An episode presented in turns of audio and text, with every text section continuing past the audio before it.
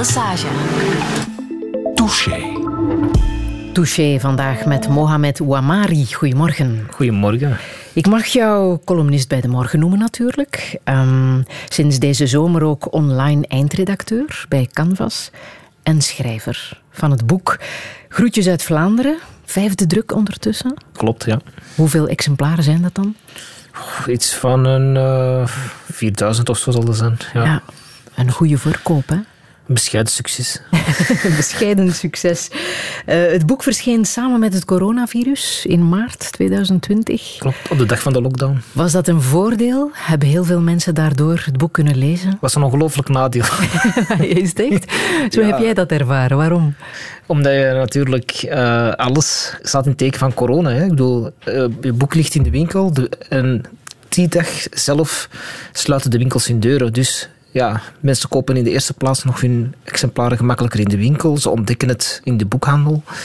En dan heb je nog alle perscommunicatie natuurlijk, uh, die uitgesteld werd omwille van het is corona. het is, uh, dat was eigenlijk pas nadat uh, winkels terug open gingen. Uh, dat de verkoop echt op gang is gekomen. Ja, dus, en kijk, we zijn anderhalf jaar later en we praten er nog over. Ja, voilà. dat is, dus, zo slecht is dat niet, hè? Maar ben je al aan het schrijven aan een opvolger? Ja, op het gemak. Ja. het is geen, geen echte haast. opvolger. Ik probeer wel um, een roman te schrijven. En ik schrijf echt op mijn, uh, mijn dode gemak, omdat ik er geen deadline op mezelf op gelegd. Mm -hmm. uh, omdat ik vooral wil nu ontdekken en spelen met het genre en, en, en nieuwe dingen proberen. Omdat dat boek uit Vlaanderen schrijven dat, was, dat voelde heel natuurlijk aan. Ik noemde dat een beetje een, een lange column. Um, het ging ook over je... jezelf natuurlijk, hè? Ja. Je eigen leven. Ja, het, het is gemakkelijk. Allee, gemakkelijk. Het is niet altijd even gemakkelijk, maar uh, dat was me niet onbekend, dat pad. Maar als je een roman schrijft, dat is een wereld die je bouwt. En uh, ja, ik moet dat nog leren. Ik moet dat nog goed experimenteren. Zien, wat, wat wil ik ook doen? Mm -hmm. is, en dat is een beetje de uitdaging. Ja. En ik doe op mijn gemak. Behalve schrijver mag ik jou ook wel politiek analist, socioloog, opiniemaker en humorist noemen. Tenminste, dat zijn de termen die ik over jou heb gelezen. Herken je je daarin? Is dat van um, Marnix Peters? Dat weet ik niet. Ik, ik, las het een beetje overal. Ja, ja ik weet niet. Ik had dat ooit zo in een uh, artikel in het laatste nieuws. Uh, als ik me die vergis, zo even over ja. Maar is dat... Ja, ik weet dat niet. Is, is, is niet iedereen dat een beetje uh, op zichzelf? Ik denk dat ik gewoon graag mijn mening laat uh, schijnen over de zaken. En ik denk dat tegenwoordig iedereen dat toch wel een beetje kan doen via social media, via de Twitters en Facebooks van, van deze ja. wereld. En het liefst met humor. Ja, dat is denk ik hetgene wat ik het liefste doe. Um, en dat misschien onderscheidt van andere mensen. Uh, maar natuurlijk ook wel die. Ik zoek wel die scherpte op en, en die. Ik probeer ook zo. Ja, die ernst zit er nog altijd wel in, denk ja. ik. Ja. Hoe zou jij jezelf omschrijven?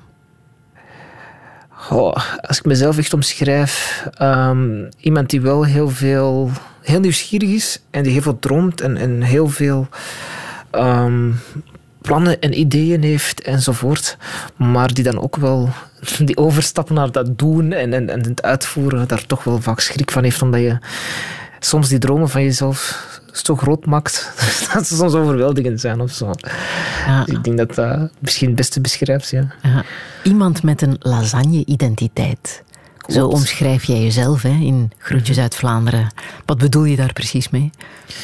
Lasagne is uh, gelaagd. Hè. Dus daar in lasagne zet je allerlei laagjes op elkaar. En dat is een beetje hetzelfde wat ik doe met identiteit. Als je kijkt naar uh, het identiteitsdebat, proberen we dat vaak te verengen naar uh, hetgeen op ons identiteitskaart staat. Of ben je Belg?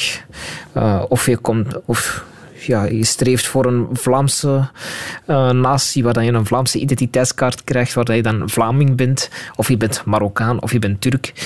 Terwijl ik denk, ja, zo zitten mensen niet in elkaar. Uh, nazistaten zijn ook redelijk heel modern, dus heel dat concept van naties en nationaliteit is is niet um, in, in, in marmer gebeiteld of zo. Maar identiteit is al veel, is al veel ouder eigenlijk. Hè. Allee, identiteit is er altijd geweest. En welke lagen heb jij dan? Sorry? Welke lagen heb jij ah, dan in jouw lasagne? In mijn lagen, dus ik heb zo verschillende zaken. Ik begin in de eerste plaats bij een individu, eh, als mens.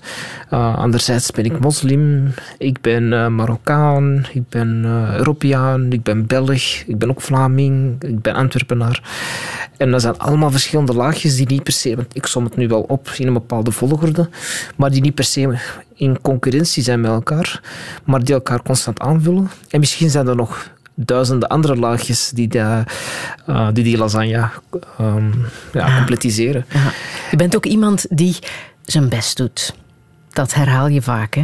Ik doe mijn best. Ja, ik ben echt iemand die... Ik vind zo uitblinken is altijd vermoeiend geweest. ik ben op school ook nooit een uitblinker geweest, bijvoorbeeld. Ik was altijd iemand die hard moest werken om resultaten te behalen. Dus ik ben niet hoogbegaafd of, of, of snel mee met bepaalde zaken.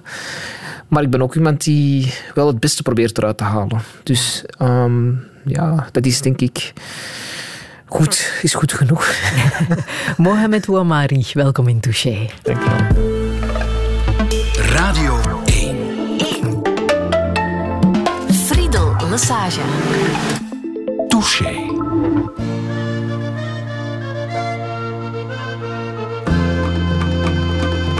In 62 kwam papa van Noord-Marokko met mama en met hun naar hier. Daar lieten ze alles in de steek, heel hun familie en hun streek, dat deze lief voor hun plezier. Hier in de stad hebben ze het gehuurd, in zo'n arme mensenbuurt, dicht bij de papa's aan fabriek. Tussen twee shiften mokte na, bij mama nog wat kindjes bij, en een ervan, dat zit ik. Ik ben de zoon van een migrant, ik heb niet echt de vaderland weet niet waaraf of niet waarom, zijn ik naar Belg of Marokko. Dat ik anders ben, dat zie ik wel, ik heb donker haar en ander vel. Wat hij mijn ouders mij ontdaan, kind te zijn van een migrant.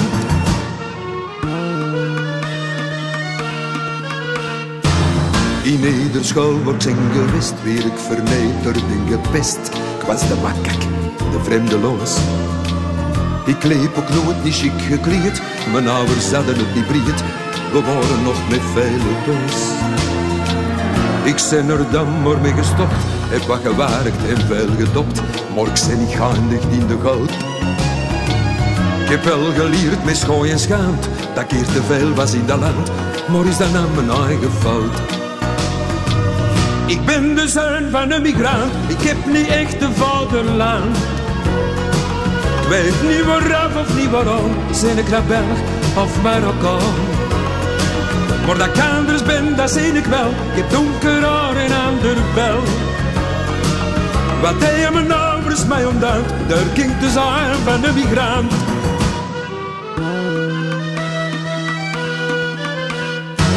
Maar eigenlijk heb ik geen schrik, er zijn nog duizenden like ik, de elf Belg en Marokko. Want tussen dit en 50 jaar worden mijn kinderen niks geworden van wat de papa uit er stond. Ze zijn dan niet helemaal geïntegreerd en vinden man een gefrustreerde fanatieke oude bok. Dan zeggen ze, pa, ga je op het mis? Als het nou nog iets verkiezing is, dan stemmen we voor het Vlomsblok. Ik ben de zoon van een migrant ik heb niet echt een vaderland. Ik weet niet waaraf of niet waarom. Zijn ik naar België of zijn ik naar Marokko? Waar dat ik anders ben, dat zie ik zelf wel. Ik heb donker en ik heb ook een andere vel. Wat hij mijn ouders mij ontdaamt, daar een kind te zijn van een migrant. La la la la la la la la la la ik ben de zoon van een migrant. Het is uh, een nummer van The Strangers uit 1988. De ooit zo gecontesteerde Strangers, Mohamed uh, Ouamari. En het lijkt alsof het over jou gaat, terwijl je toen helemaal nog niet geboren was. Dat klopt, ja. Ik, vond dat, ik heb dat toen ontdekt en ik vond dat zo straf. Um, dat dat heel hard paste bij mijn verhaal dat ik schreef in mijn boek. Dat ik dan ook in de, ja, op de eerste pagina van mijn boek heb uh, gezet zoals quote. Vaak zetten ze daar een of andere slimme wijze denker die dan iets uh, en jij zegt. Dacht, die tekst van The Strangers past bij en, Groetjes uit Vlaanderen. Ja, dat was bij mij echt... Dat zijn zoveel, dat stukje tekst, dat ik dacht van, dit moet ik echt erin zetten. Uh, omdat dat ook zo heel Antwerps ook is. Uh, en daar vatte zo heel dat verhaal, denk ik, was samen in een paar strofen tekst. Helemaal?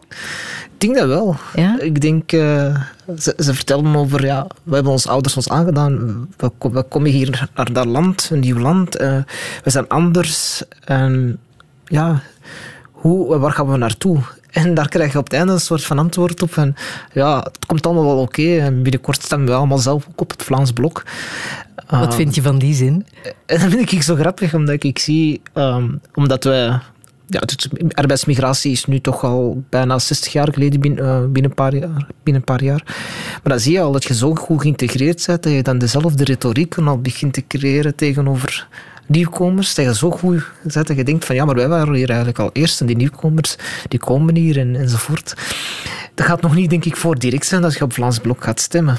Maar de mensen gaan Allee, de, mensen gaan altijd zo de, de nieuwkomers altijd zien als iets bedreigend of zo. Ah.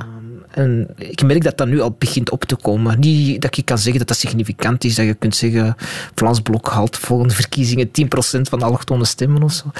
Maar je merkt dat wel, zo die xenofobe uh, kantjes dat dat ook gewoon, dat wij daar niet immuun aan zijn. Ja, um, ja het is jouw thema natuurlijk, hè? migratie en, en jouw eigen verhaal. Um, heb je dit boek geschreven uh, als een soort verhelderend geschiedenisboek om die evolutie tussen de Zwarte Zondag in 1991 uh, en de laatste Zwarte Zondag van twee jaar geleden, om, om die te vertellen aan jouw generatie? Dat was wat niet mijn oorspronkelijke bedoeling. Um, toen uh, Vlaams, Blok, allee, Vlaams Belang op, uh, in 2019 uh, de verkiezingen won, was ik nog druk aan het schrijven aan dat boek. En ik heb bijna zo yes geroepen, omdat ik dacht, ik heb terug een Zwarte Zondag, dus ik heb een structuur voor mijn boek. um, dat was eigenlijk niet mijn initiële bedoeling te zeggen van, ja, ik ben geboren in, uh, in het jaar van Zwarte Zondag en het jaar dat ik mijn boek schrijf um, eindigt dan mijn verhaal op Zwarte Zondag. Dat was een beetje te mooi. Maar dat was nooit mijn bedoeling of zo. Dat is echt gewoon gaande het schrijfproces gekomen. Ja. Maar mijn oorspronkelijk idee was van... Um, ik had dat idee al langer. Het, dat idee van de Vlaamse identiteit sinds de verkiezingen van 2014 is dat heel prominent naar de voorgrond gekomen. Uh, omdat dat de verkiezingen waren waarin N-VA heel hard uh, de Vlaamse identiteit tegenover, allee, het Vlaamse tegenover het PS-model van um, Wallonië tegenover zitten. Dus het ging constant over Vlaams zijn. En wie is Vlaams? En ik ben daar dan eigenlijk ik heb dat van dik allee, heel hard gevolgd en ik stelde me daar heel veel vragen bij. Van oké, maar wat betekent dat nu? En ik kreeg geen antwoorden van, uh, de, ja, van de Vlaamse socialistische partijen. Die bleven daar in een heel holle retoriek over praten, heel oppervlakkig. En um, zelfs later, toen uh, Bart Wever over identiteit schreef, was ik eigenlijk, bleef ik echt op mijn honger zitten na het lezen van dat boek. Ik dacht van, is dit het? En dat was dan tijdens mijn schrijfproces, was ik dan zelf aan het zoeken van oké, wat betekent dat nu om Vlaams te zijn? En in de eerste fase had ik eigenlijk al brieven geschreven op een online blog. Dat was een soort van voorganger van het boek. En dan dacht ik, misschien moet ik eens vertellen hoe Vlaanderen is voor iemand die Vlaanderen niet kent. Dat is altijd een vorm van een spiegel voorhouden. En dan dacht ik, ga ik daarvoor nemen? En dan dacht ik, ja, misschien mijn grootouders die overleden zijn, maar die wel um, nooit naar hier zijn gekomen. Dus dat is langs vaderkant. De ouders van mijn moeder zijn wel naar België gekomen, ouders van mijn vader niet. Uh, en ik dacht, dat is misschien wel mooi om te laten weten hoe het is hier en dat het goed gaat met mij.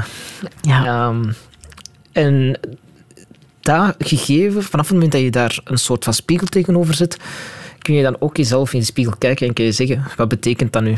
Dat Vlaams te zijn. En ik heb daar heel lang mee over dat boek. Allee, dus die brieven schrijven, dat is één ding. Van oké, beschrijven wat er hier in Vlaanderen gebeurt, wat er in Antwerpen gebeurt. Dat is een beschrijvend verhaal.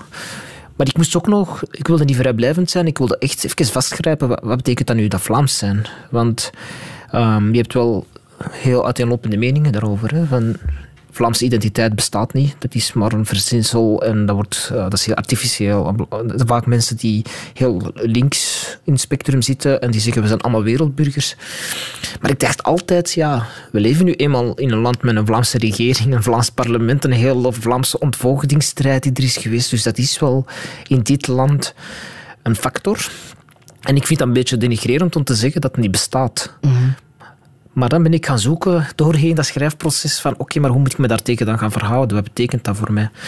En ik denk dat het heel laat was. Ik denk echt in de eindfase van het boek dat ik bij die Lasagne Identiteit uitkwam omdat ik een stuk las van uh, Mark Reinebouw die België beschreef als een lasagne. Die zei van door de verschillende instituten en, en de zo gelaagdheid van, onze, um, van ons land bepaalt wie we zijn.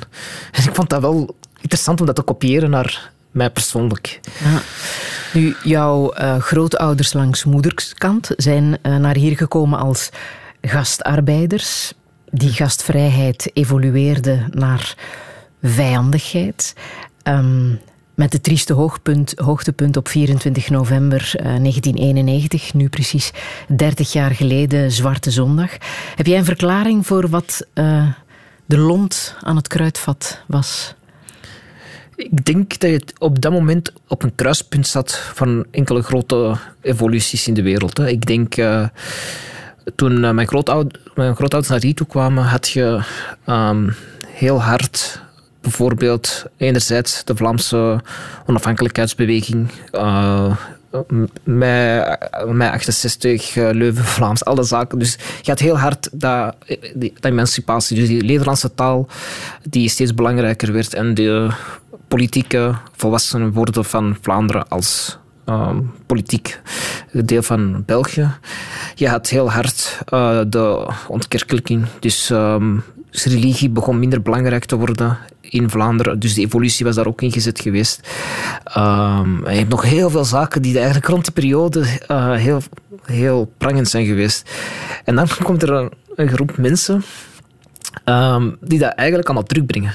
Dus religie is heel belangrijk voor die nieuwe groep mensen. Dus uh, de imam is terug prominent aanwezig. De taal, die mensen spraken de taal niet. Uh, en bovendien kreeg je dan ook nog een economische crisis erbij, waar op een gegeven moment heel veel sociale problematieken bij komen. Um, en, het is gewoon een periode, het is een heel moeilijke periode, de jaren 70, 80. Je krijgt uh, besparingen um, op bepaalde wijken. Je krijgt uh, stadsvlucht van uh, mensen die dan um, bijvoorbeeld in, in, een wijk als Burgerhout allemaal ja, verloederde huizen gewoon achterlaten en naar de rand van de stad trekken. Die huizen worden overgenomen door mensen met weinig geld.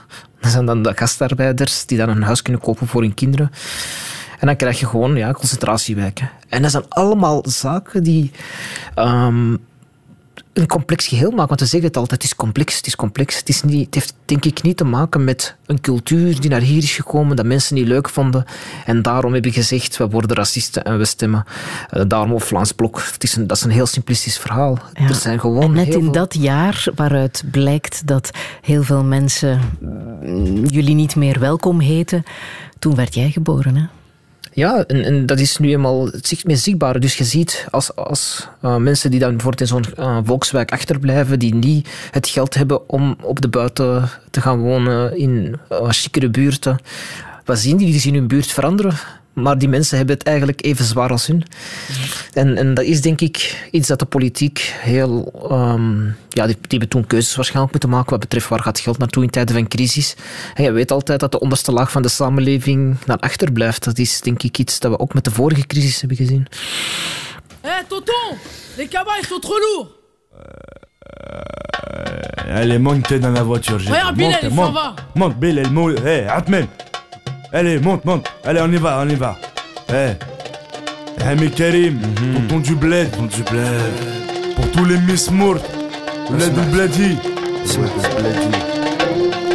504 breaks chargés, allez, montez les neveux. Juste un instant que je mette sur le toit la grosse malle bleue.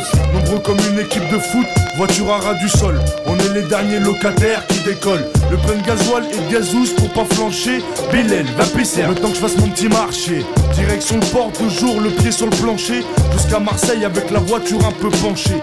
Plus 24 heures de bateau, je sais c'est pas un cadeau Mais qu'est-ce que je vais kiffer sur la place Vido À Béjaïa City, du haut de ma montagne Avant de rentrer feu d'art, je fais un petit détour par Warlan Vu qu'à Paris j'ai dévalisé tout à Je vais rassasier tout le village, même les plus petits Du tissu et des bijoux mariés Et des jouets en pagaille pour les nouveau-nés Je voulais rester à la cité, mon père m'a dit Dans ce cas-là, je ramène tous mes amis Alors dans une semaine, je rentre à Vitry J'irai finir mes jours là-bas.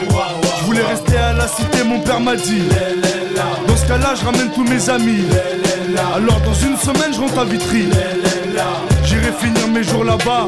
Je suis sur la plage à bouler mat avec mon zinc et son derbouka dans la main. Un verre de Selecto, imitation coca. Une couche de zizitoun sur le corps et sur les bras. Avec mon poste sur un fond de Zahwania. On parle de tout et de rien.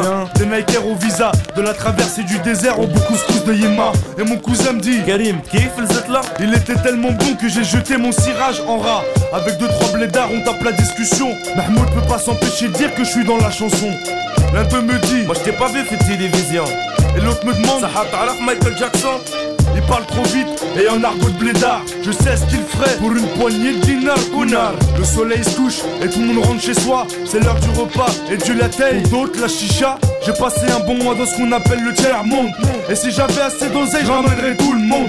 Mais je peux pas fermer les yeux sur ce qui se passe vraiment. J'ai 10 morceaux disparus aux enfants et aux mamans. Et je suis rentré à la cité. Arbeya content de revoir mes potos et ma chebba. Pendant deux semaines, j'ai mangé que de la charba. J'irai finir mes jours là-bas. Inch'Allah, rester à la cité, mon père m'a dit. 113 heette ze, een Franse rap trio met Tonton Dublé. Um, Mohamed Ouamari Dublé, de Bled, zou je kunnen zeggen. Mhm. Gaat het daarover? Het gaat over, ja, u... Uh ik noem dat vakantieland. Niet echt, ja, mensen spreken altijd over het moederland, maar in principe is dat vakantieland waar je als kind uh, naartoe gaat. En bij ons is dat Marokko. Ja, was dat voor jou ook echt vakantie als je daar naartoe ging? Ik heb dat wel moeten missen in mijn jeugd. Ik heb uh, na de scheiding van mijn ouders, was toen ik ongeveer vijf was, um, ben ik niet meer naar Marokko geweest tot mijn 16 of zo. En uh, dat is wel iets dat ik in mijn jeugd altijd wel heb gemist of zo. Omdat we dachten, ja, we hadden er ook geen geld voor. Um, en dan is dat gelukkig beter geworden. En dan sindsdien in mijn latere tienerjaren zijn we vaak naar Marokko geweest. En dat is Waar precies? Waar precies in Marokko? Wij komen van de Rif. En dat is in het noorden van Marokko. Um, mochten mensen dat kennen. zijn van de belangrijke steden daar, een grote havenstad. En het Rifgebergte is eigenlijk um, een groot gebergte. En daar um, is al zoveel jaren mensen die dan naar hier zijn gekomen. Dus het groot gedeelte van uh, Marokkanen in Europa komen vanuit de Rif. En dat is niet toevallig, omdat uh, daar een soort ook een onafhankelijkheidsstrijd aan de gang is, een emancipatiestrijd um, om eigen taal, want onze taal verschilt ook van het Arabisch, van de rest van Marokko. En dat heeft ervoor gezorgd dat doorheen de jaren um, heel veel migratie is, omdat er um, gewoon sociale achteruitstelling is, heel veel armoede is. En het is ook niet toevallig dat de jaren 60 dat uh, de koning zoiets heeft van oh, als het hier dan niet goed genoeg is, maak dan dat jullie weg zijn. En dat hij dan eigenlijk de En dan heb je het over koning Hassan II.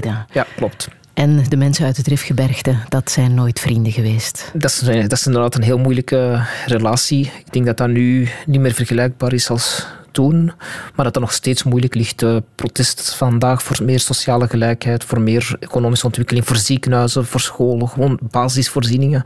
Die protesten leven vandaag nog steeds. Um, opposanten worden nog steeds vervolgd en dat soort zaken.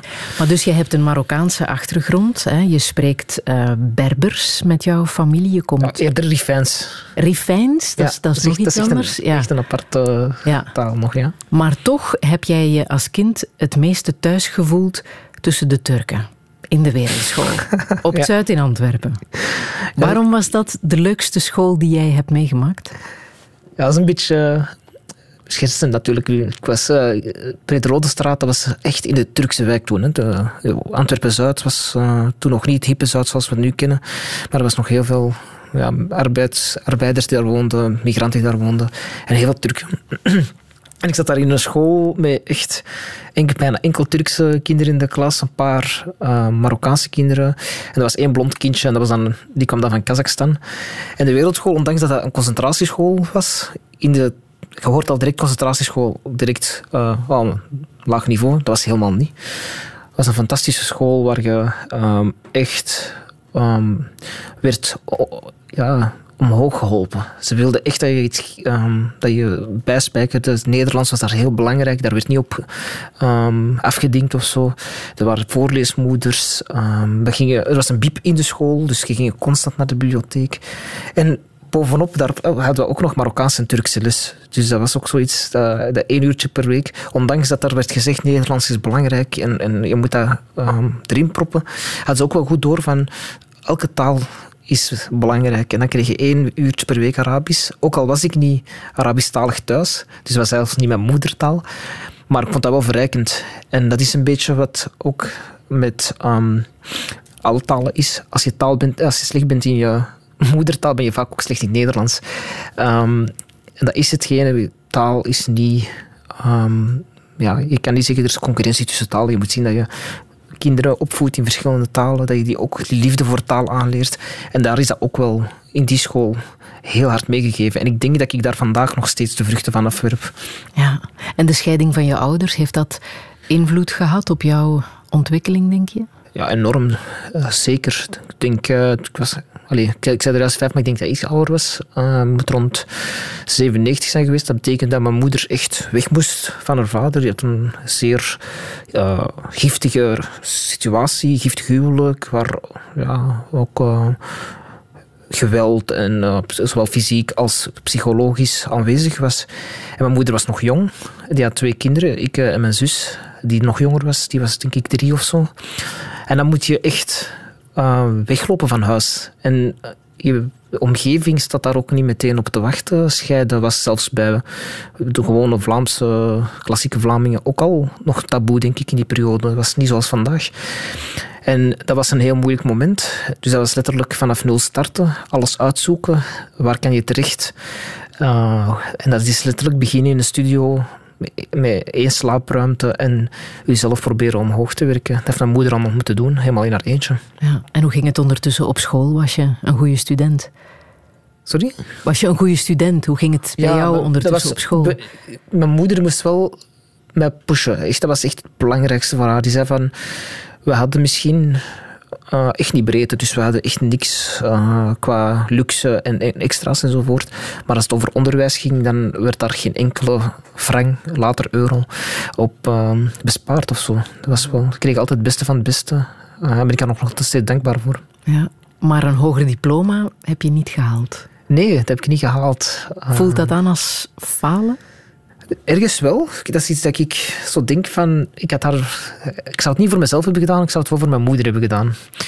Maar mijn moeder is daar totaal niet mee bezig. Ze is echt trots op wie ik vandaag ben. En uh, ze zegt gewoon, als je maar gelukkig bent, een beetje het klas, het is misschien cliché, maar het is gewoon echt heel oprecht van haar. En ik heb het nu ook wel mijn weg gevonden. Zo. Dus door, uh, je moet niet per se een, een, een, dat, dat attest hebben. Maar ergens gewoon, het is een idee van de samenleving. Als je studeert, dan moet je ook dat document hebben en dan pas ben je klaar voor het werkleven of zo. maar je bent heel erg geïnteresseerd in literatuur, in schrijven, daar ben je ook heel erg goed in. Maar je hebt voor chemie gekozen. Ja, dat was... Uh... In het middelbaar onderwijs. Ja, tweede middelbaar. Waarom die keuze? Dat was echt een echt een belachelijk pragmatische keuze in de zin van ik moet ooit afstuderen, ik moet ooit werk zoeken. Um, laat me gaan kiezen voor iets waar ik um, maar, allee, de Antwerpse haven, bijvoorbeeld, dat is een en al chemie. En dat ik daar gewoon makkelijk werk vind en uh, dat ik goed betaald word en dat ik niet moet mij bezighouden met mijn uh, sollicitaties voor racisme uh, enzovoort. Dus het was eigenlijk al zo vroeg mee bezig van ik wil later geen last hebben met mijn naam als ik ergens solliciteer. In en misschien word ik zelfs chemicus in Saoedi-Arabië. Zelfs dat, dat, dat, waren, dat waren ook zo ideeën die speelden van de wereld staat open voor zo'n voor zo'n uh, voor zo'n profielen. En uh, we hebben ook heel goed onderwijs daarvoor in Antwerpen, een heel goede school daarvoor. En dat was echt een heel pragmatische keuze. En ik was zelfs, ja, het is een heel praktische opleiding, maar ik was super onhandig. Um, ik heb me recht moeten doorworstelen. Ik zeg het, je hebt zo een breuklijst van labomateriaal. Um, en dan meestal op het einde van het jaar kost dat u gemiddeld voor een student 10 euro, 15 euro. Dan breek je wel eens een Erlenmeyer of een, zo'n proefbuisje of zo. Ik zat altijd aan over de 100 euro. Ik was ongelooflijk onhandig. Ik was er eigenlijk echt niet goed in. Maar vond dat wel heel leuk. Het was wel tof om te doen.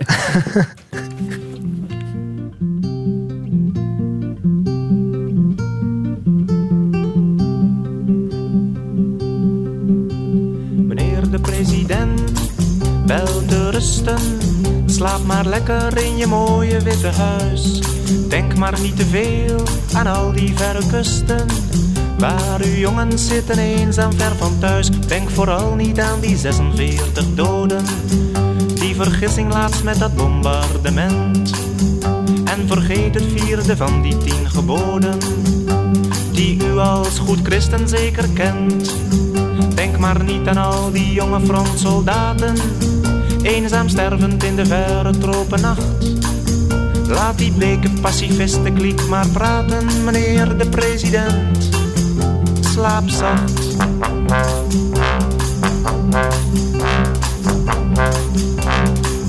Droom maar van de overwinning en de zegen. Droom maar van uw mooie vredesideaal.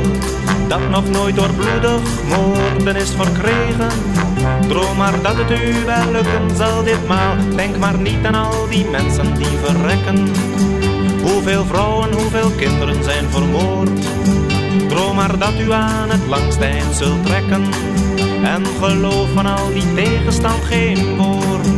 Bajonetten met bloedige gevesten houden ver van hier op uw bevel de wacht.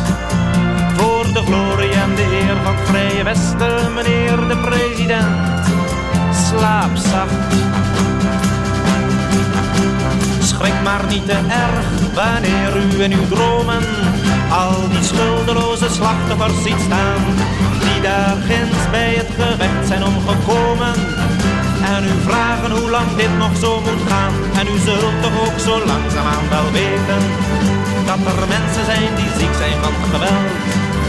Die het bloed en de ellende niet vergeten. En voor wie nog steeds een mensenleven telt. Droom maar niet te veel van al die dode mensen Droom maar fijn van overwinning en van macht. Denk maar niet aan al die vredeswensen, meneer de president. Slaap zacht. Boudewijn de Grote in 1966 met wel te rusten meneer de president. Mohamed Ouamari, wat een bijzondere keuze om uh, dit nummer te laten horen. Ik vind dit echt een heel krachtig nummer. Dat als je niet weet dat dat 1966 komt, dan je zou misschien zeggen dat kan van 2021 zijn. Het gaat over de Vietnamoorlog, hè, wat toen heel erg aanwezig was. Zeker onder de jonge generatie was er uh, zeer veel strijdlust. Mhm. Iets wat jij herkent dan in dat nummer? Ja, we zijn opgegroeid met uh, Afghanistan-oorlogen, Irak-oorlogen. Dat heeft wel mijn uh, opgroeien wel bepaald, denk ik. En ook uw blik op de, op de samenleving. En hetgeen dat hij vertelt, die woede die, um, die je steeds voelt opborrelen, eh, steeds harder voelt opborrelen in dat, in dat lied, is misschien dezelfde woede die je voelt als, als uh, jonge gast die kijkt naar um, het journaal of naar, naar, naar, die beelden van al die oorlogen. Ja, want jij was puber, zoekend naar jouw identiteit in de jaren 2000. Daar gebeurde veel in Antwerpen, hè? Ja. Wat was voor jou ja, de elementen die jou triggerden? Uh, bijvoorbeeld de EAL was actief in Antwerpen. In hoeverre kwam jij daarmee in, in aanraking? Dat is echt... Uh, met uh, Abu Jaja, die daar het voortouw nam in de jaren 2000, dat heeft voor heel veel mensen een, een soort van politiek bewustzijn um, meegegeven. Op welke manier? Ik denk als je naar de eerste generatie keek, dat was um, de eerste generatie migranten, die kwamen naar hier en die waren heel dankbaar. En ondanks alle tegenslagen zeiden ze nog altijd oké, pardon, en ze werkten verder en ze zwegen. En ze zeiden, we moeten dankbaar zijn, we moeten niet te veel klagen. Dat was een heel hard um, discours dat bij hun leefde. maar die kinderen maar de kinderen, ja die pikten dat niet. Die hadden door van, ja, maar wij, wij wonen hier ook, wij hebben ook rechten. Wij moeten ons niet over ons heen laten lopen. En ze botsten constant tegen muren. Dus ik kan mijn situatie nooit vergelijken met de generatie van bijvoorbeeld mijn moeder. En die hebben heel andere uitdagingen gehad dan ik vandaag heb. En die hebben daar heel hard voor moeten strijden. En uh, die strijd kreeg een gezicht, denk ik, met de AEL en met Abu Jaja en, enzovoort. En ik weet nog heel goed, toen uh, was er eens een debat op televisie met Abu Jaja en Philippe de Winter. We hebben zo jaren moeten doen met zo van die stoffige woordvoerders van de moslim-executieven of ik weet niet wat. En dan had je ineens van Abu Jaja, die eigenlijk heel fris was, die verbaal scherp was en die Philippe de Winter onder tafel sprak. En ik herinner me nog uh, het fragment waarin, uh, ik denk de zevende dag was of uh, een ja, debatprogramma. Een debat was dat, hè? Pittig debat. En Joël de Keulaar die op het einde zegt, ja, um, die nu senior writer is bij De Morgen, zegt uh, ja, uh, Ebou Jaja is de intellectuele meerder van Philippe de Winter, maar dat is niet zo moeilijk. en Philippe de Winter verlaat die studio en ik weet dat heel goed dat dat in de gemeenschap, allez, of bij mijn, familie rondging. En zo van, heb je gezien, Philippe de Winter is eigenlijk als een hond weggelopen van, van dat debat met zijn staart tussen de benen.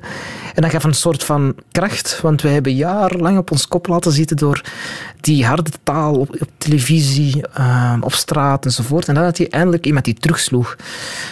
En dat ging dan natuurlijk breder dan enkel racisme. Het ging ook natuurlijk over die betogingen tegen alle eindeloze oorlogen in, in Palestina en Gaza, um, de Irak-oorlog en natuurlijk ook alle um, straatprotest en alle zaken die daar nog... Ja, straatprotest komt ook uit, onvermijdelijk ook. Die rellen dan bij.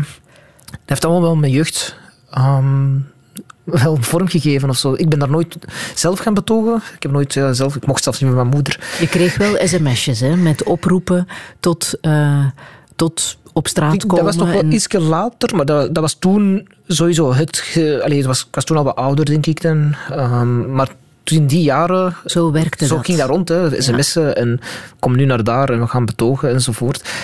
En, maar ik was, ja, ik was nog een kind. Ik denk dat ik toen uh, 10, 11 jaar was. Ik mocht mijn moeder amper buiten.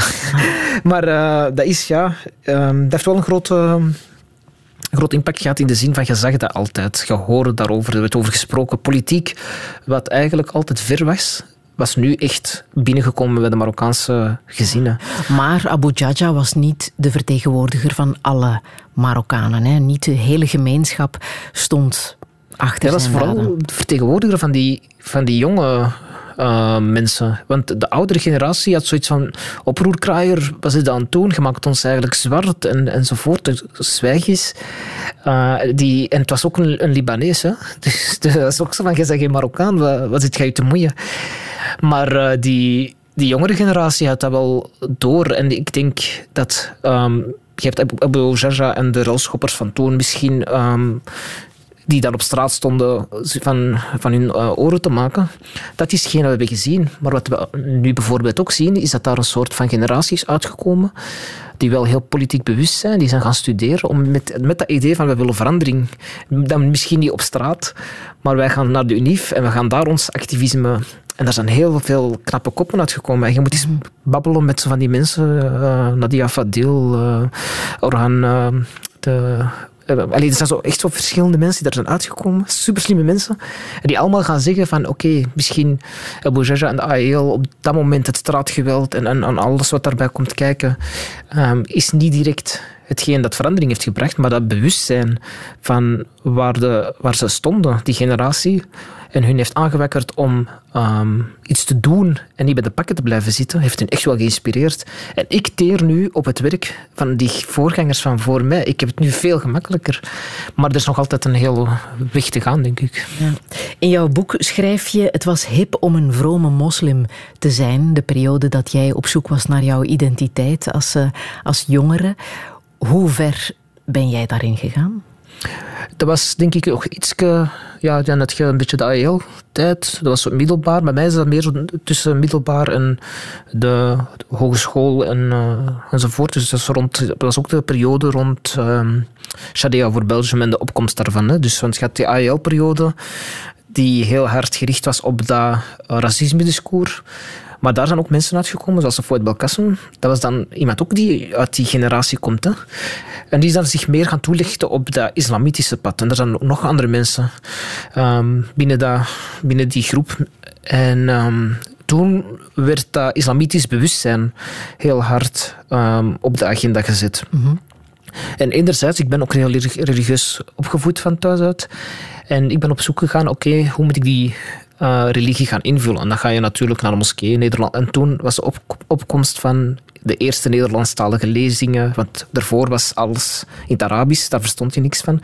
Maar die nieuwe generatie natuurlijk, die um, hadden ondertussen ook wel islamitische kennis opgedaan en die begonnen dat te doseren. En je dan evenementen, um, je predikers, uh, ook heel veel Engelstalig dat uh, door het internet ook binnenkwam. En dat heeft wel een verschil gemaakt. En dan binnen al die verschillende opinies um, die dan binnenkomen, vaak heel orthodoxe visies uh, van de islam, dan ga je daar ook mee gaan kijken, oké, wat is nu een goede moslim zijn? En ik heb dat wel geprobeerd, zo, ja, die orthodoxe visie.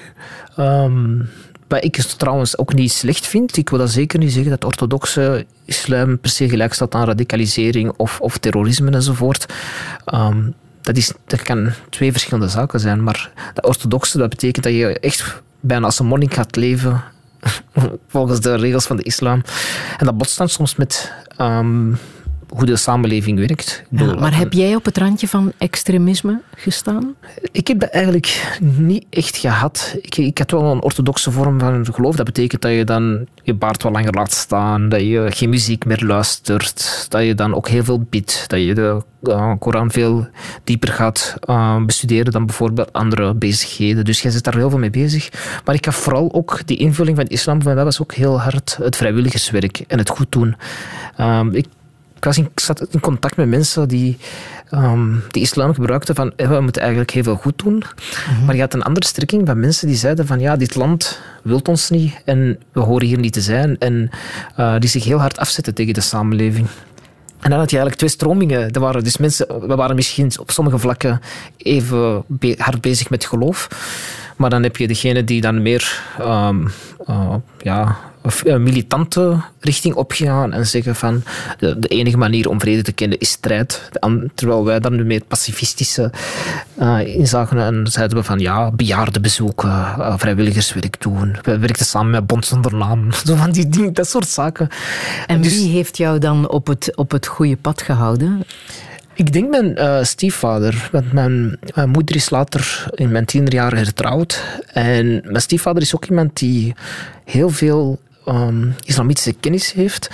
En thuis werd dat gewoon, alles werd, was bespreekbaar en je kon in gesprek gaan. En die stelde dan ook gewoon heel kritische vragen. En dat zorgde ervoor dat je dan die lijn tussen um, extremisme en, uh, zoals ik zeg, orthodox of um, ja, geef ik een zware religiebeleving, dat die, die grens nooit is overschreden geweest. Eh, en dat zorgt ervoor, als je kritisch opgevoed wordt en je is dat wel, klopt dat wel wat hij zegt, wat die prediker op het internet zegt, dat klopt, klopt dat of niet?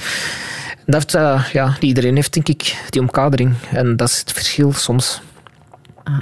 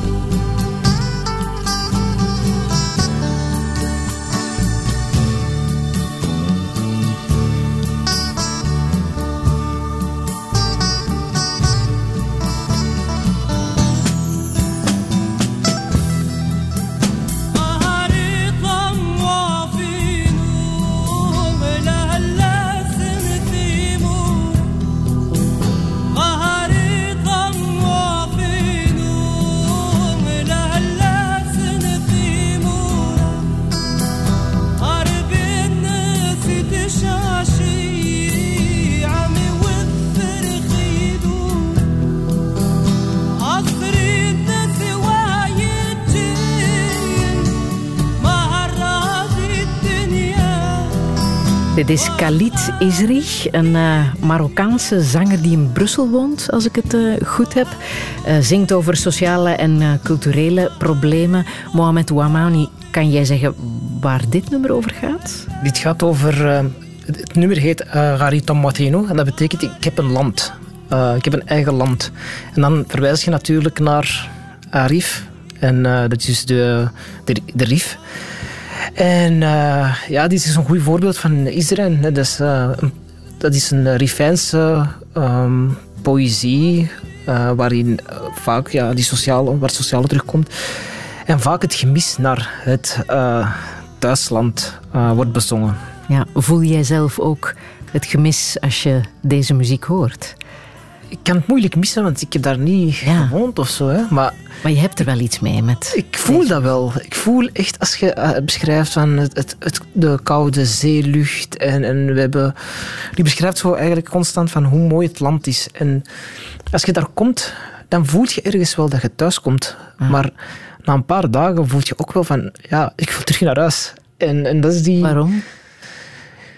Ja, uiteindelijk, ik ben hier opgegroeid. Ik ben uh, hier geboren. Ik, mijn context is, ik ben hier geworteld.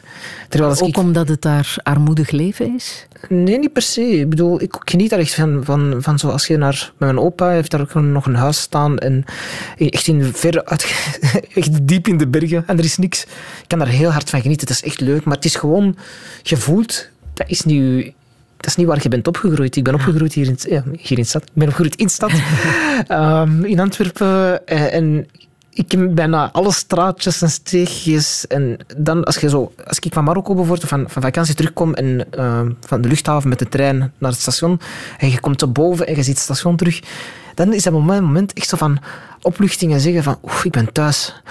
Maar tegelijk voel ik wel zo die nostalgie naar Marokko. Maar dat is een soort van valse nostalgie of zo. Um, terwijl mijn vrouw, zij is geboren in Marokko. En zij beleeft dit soort zaken helemaal anders. Voor haar is dit um, veel pakkender nog. Um, nu, dit is poëzie, hè? dit zijn poëtische teksten. Ja. De echte poëzie heb jij in het Nederlands geleerd. Uh, de taal, de liefde voor taal, komt zelfs van Willem Elschot. Als jij zo zou kunnen schrijven, dan teken jij dat contract, denk ik. ja, eh, ik heb, het, ik heb het ook maar ontdekt. Ik bedoel, ik heb dat niet met in het middelbaar meegekregen via een of andere leeslijst. Ik heb, dat, ik heb überhaupt nooit een leeslijst gehad in het middelbaar. Dat was een en alchemie, uh, die de klok sloeg en fysica en wiskunde. Dus ik zat een heel um, wetenschappelijke opleiding. En wanneer heb je dan de liefde voor boeken uh, ontdekt? Uh, dat is uh, eigenlijk nog heel recent. Ik las heel graag tot mijn 16 of zo, denk ik. Ik denk, toen zat, we, zat ik ook nog heel veel thuis. dan ging ik naar de bibliotheek en nam ik heel veel boeken mee. Ik las bijvoorbeeld heel graag thrillers, zo de Jeff Gerardse vroeger en um, Baantjer. Dat waren zo hetgeen dat ik heel graag... Ik las graag spannende ja. boeken en strips en dat soort zaken. En dan heb je een gat gehad waar ik zo tussen de 16 en en uh, pakt uh, 22, 23, waar ik dan even niks heb gelezen. En dan ben ik zo toch beginnen schrijven. En dan heb ik ook wel de tip gekregen, als je wilt schrijven, moet je ook terug beginnen lezen. En dan ben ik zo op zoek gegaan, wat wil ik lezen? En ben ik mijn achterstand beginnen goed maken. En dan kwam ik uh, bij Kaas uit van Willem Elschot. Ik was daar meteen verliefd op. Op die stijl en die humor dat erin zit. En ik zag me dat echt, hoe hij schrijft, en hoe die, ik zag er heel hard raakpunten mee. Ik dacht van, je hebt een, een fragment ja. uh, meegebracht hè, van Willem Elschot. Wil je het voorlezen? Ja, ik zal het voorlezen. Komt uit uh, Dwaallicht.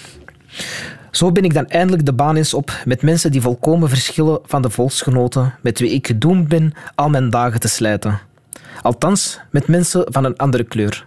Die anders lopen, anders groeten en lachen, misschien ook anders haten en beminnen, die in ieder geval van onze beroemde medeburgers nooit hebben gehoord en voor wie onze vorsten en heiligen absoluut niet in tel zijn. Dus zeer waarschijnlijk mensen naar mijn hart. Geweldig ook dat je dit kiest, want dat is een migratieverhaal avant la lettre. Hè? Ja, jaren twintig is dat geschreven ja, als ja, ja. ja. Ik vind dat zo grappig, omdat die ja, als, als hij zegt van hij kent ons, eh, die kennen onze um, beroemdste medeburgers niet, dat is een beetje de BV's enzovoort. En dat is ook gewoon hoe ik ben opgegroeid. Hè. We groeien niet op met de, met de BV's enzovoort. Um, dat is, we woonden op het Zuid. Allee, mijn, uh, mijn opa woonde ook op het Zuid. En die had heel veel bekende buren toen. Het was zo de wijk in opkomst toen. Gentrificatie was aan het toeslaan. En er waren dan allemaal bekende Vlamingen, maar wij kenden die echt gewoon niet, omdat we andere televisie keken. Dus dat vind ik zo grappig. En, en dit stukje toont ook schot aan. Het is echt die zelfrelativering en spot. Dat van, ja, ze kennen al dat gedoe niet. Dus dat is goed, want ik wil daar eigenlijk ook niks mee te maken hebben of zo. Dat vind ik echt heel grappig. Als jij niet leest, dan kijk jij Marvel Cinematic Universe. het zijn live-action verfilmingen van strips ja. van Marvel Comics. Waarom is dat zo goed? Ik weet dat, ja, dat is uh, een klein kind in mij die uh, nooit groot is geworden. Wij zijn opgegroeid met die tekenfilms, denk ik, als Spider-Man en uh, X-Men en ik weet niet wat allemaal. En um, nu, als dat in de bioscoop komt, zo'n film, dan ben ik zo iemand die de eerste dag moet gaan kijken. Omdat ik zo... Zo verslaafd. Ja, dat is echt... Ik kijk daar heel graag naar. En dat is misschien iets dat zo vloeken is in de culturele kerk. Dat ik me niet bezig hou met zo de grote um, intellectuele dingen of zo. Daar wordt heel vaak op neergekeken, op dat soort superheldenfilms. Maar soms is dat echt gewoon goed. Hè? Dat, ik kan er echt naar kijken. Dat duurt soms drie uur en een half. En die vliegt zo voorbij. Um, ja. Ik heb nog uh, muziek uit de film Four Lions, Britse filmcomedie uit 2010 van Christopher Morris. Ook een bijzondere film hè, die je ons hier ja. aanraadt. Omdat het gaat over terroristen en omdat het ook om mee te lachen is. Ja, het is uh, een van de moeilijkste dingen om satire te maken over ja. terrorisme. En die zijn er ja. echt bangelijk in geslaagd. Uh, dat gaat eigenlijk over vier uh, terroristen die een aanslag beramen in Groot-Brittannië maar die zo amateuristisch zijn en zo dom zijn um, dat ze dan ja, eigenlijk tegen allerlei problemen aanlopen. En dat is zo onbenullig. En ik vind dat wel een gewaagde manier van, ja, van, van verhalen vertellen. Zo grappig. En toont ook wel dat, dat je met zo'n zaken moet kunnen lachen. Uh, want vaak wordt er heel gevoelig over gedaan. En ik denk als je dat op een goede manier doet, is dat ook grappig, zoiets. Ja, en 2010 was was het net weer een beetje een rustiger periode. De aanslagen in uh, Parijs en in Zaventem moesten toen nog komen. Ja. Heeft het ook daarmee te maken, denk je? Ja, het was inderdaad een iets rustigere periode op dat vlak. Maar ik denk het gevaar, allee, gevaar voor terreur, denk dat, dat als je met 9-11 opgroeit en je ziet die beelden van die vliegtuigen, dat gaat niet zomaar weg. Hè. Ik denk, wij hebben echt een uh, post 9-11 leven gehad. Overal waar we moslims zien, zien we terreur. Dus inderdaad, de aanslagen waren misschien minder. Dus het was ook wel een goede timing om die film te maken en uit te brengen. Um, om dan een soort van relativering te krijgen. Dus dat heeft zeker meegespeeld. Maar uh, ik denk dat dat toch wel nog steeds heel relevant was of zo.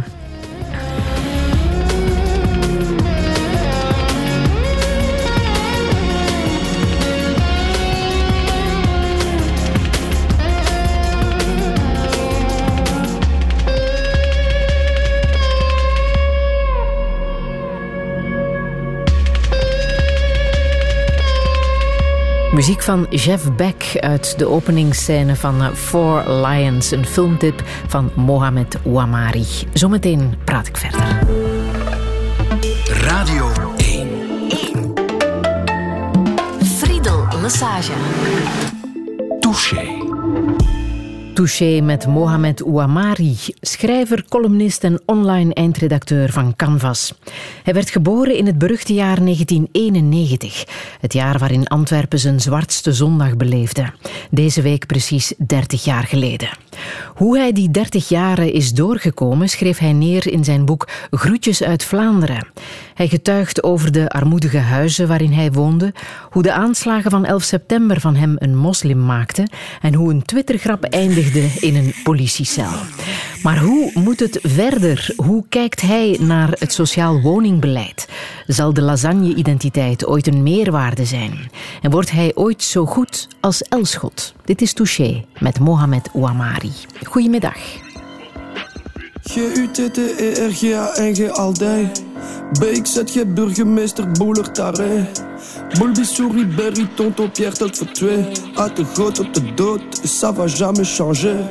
Schizo, parapak, geen medicatie niet meer. Viva vatos locos, su muchacha is scared. Tempura, yakitori, al de rest het niet meer. Pist op de system van heel het rechtse systeem. Wow. Holle point. Jullie gaat wat dat de rest niet staat roepen. Gutter Ik zomaar door doe tuin.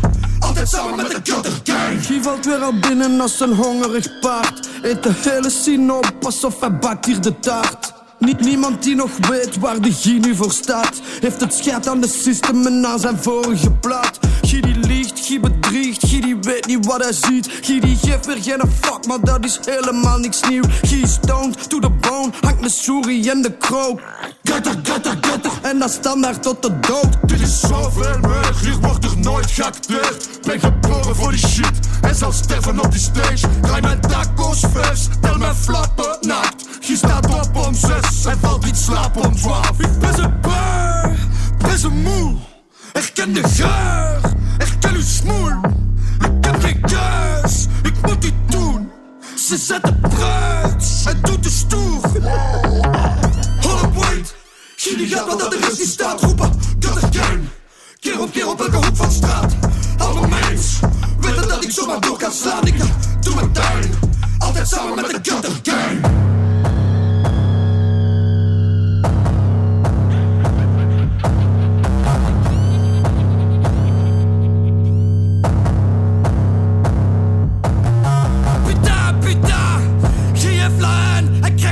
van die racisten en die politiciëns. Putain, putain, er is niks op ja. Dat de slagen op je bak is, dat is zuur en certain. Je valt altijd binnen, geeft een fucked op gevoel. Kijk, hij kijkt op fascisten, op rechtse zakken, nu smoel. Hij brengt altijd de kent af, dat is zijn enigste doel. Ouais, kutter, kutter, kutter, dat is de dapperste crew. Hey, putain, putain, de GF la haine. Krijgt het schat van die racisten Dat de slagen op je bak is, dat is zuur en certain. Hey, kutter gang. Dat kwam van diep. Zwangere Guy, Brusselse rapper met Gutte Gang. Ja, dat is wel iets anders hè, dan de Strangers. Mohamed Ouamari. Waarom wou je dit laten horen? Ah, omdat ik hou van eh, ja, zo- dat soort rap. Zo dat hele rauwe, dat ruwe. ehm, doet zo'n beetje denken aan wat je ook in Amerika vroeger had. En hoe je Fuck the Police, eh, zo die hele harde hip-hop. Ik ben daar zo, ja, je hebt zo hip-hop dat zo wat meer zangerig is en zo praat over eh, het luxe leven en ik weet niet wat allemaal. Dat spreekt mij totaal niet aan. Ik ben echt zo, ik hou van dat, van mu- zoals muziek van de straat. En, eh, Maar is het ook de boodschap die jou aanspreekt? ook, ja, je voelt echt gewoon, je voelt bosheid. En ik weet nog vroeger, toen wij op, op pleintje eh, zaten en muziek luisterden enzovoort, dat was dat ook dit soort muziek altijd. Muziek waar je voelde van, ja, mijn bosheid ehm, krijgt ergens weerklank. Ik, er iemand die daar ook mee aan de slag gaat, die dat verwoordt, die daar muziek mee maakt, die daar creatief mee aan de slag gaat. En luisteren ook zo, ja, dit is nu zwangere regie, maar vroeger had je ook underground rap. Eh, dat waren dan mensen die, je had bijvoorbeeld THC, Den Haag Connections, die dan heel harde rap, rapsongs maakten, waarin ze Jan en Alman u- ehm, uitscholden en bedreigden en hele harde taal, tot echt absoluut grove toe. Die zijn meermaals ook eh, vervolgd geweest eh, door justitie wegens bedreiging, et cetera. Maar dat was, die bosheid, die capteerden ze wel. En je luisterde naar en je herkent u daarin. Ook al misschien niet in de tekst of zo, maar je voelt echt gewoon het gevoel van bosheid. ehm, dat voel je heel hard. Rappen doe jij voorlopig nog niet, hè? Dat staat niet op mijn lijstje. Ik Maar wat je wel maken. doet, is eh columns schrijven. Is dat jouw manier om jouw boosheid te ventileren? Ik ben niet zo'n boos persoon. Dus eh, ik luister wel graag naar zo'n zaak, maar dat ehm, reflecteert zeker niet wie ik ben. Ik ben iemand die alles, alles kapot relativeert. En dat is Toch ook wel kritisch durft te zijn. Ik Hè? ben wel kritisch, en ik, maar ik relativeer wel, denk ik, heel veel. En ik denk dat dat... ehm, in mijn columns probeer ik ook vaak zo de... ehm, ja, de humor ook op te zoeken van wat zit hierin... ehm, wat grappig is, of wat is de hypocrisie hierin, en, en dat soort zaken. En daar haal ik plezier uit. Ik haal dat- één zinnetje uit een van jouw columns. Politici die het meer hebben over woke dan over kinderarmoede, neem ik voor geen sikkepit serieus. Ja, dat is, dat is inderdaad een frustratie misschien. maar daar zit, daar zit geen boosheid in. Dat zit eerder van... Ik, ik, uh, ik relativeer het ook weer. Ik relativeer politici van... Als, als, het is, als dat aanbod is waar je naartoe komt... Je bent elke week bezig over woke omdat er een of andere strip uit de handel wordt genomen in, uh, in Canada of ik weet niet waar. Als dat uw grootste bezorgdheid is, terwijl er hier uh, in uw eigen stad um, hele grote problemen zijn. Er zijn daklozen die doodvriezen in de kelders van Centraal Station. Uh, onze uh, bodem is verontreinigd met de PFOS, et cetera, et cetera.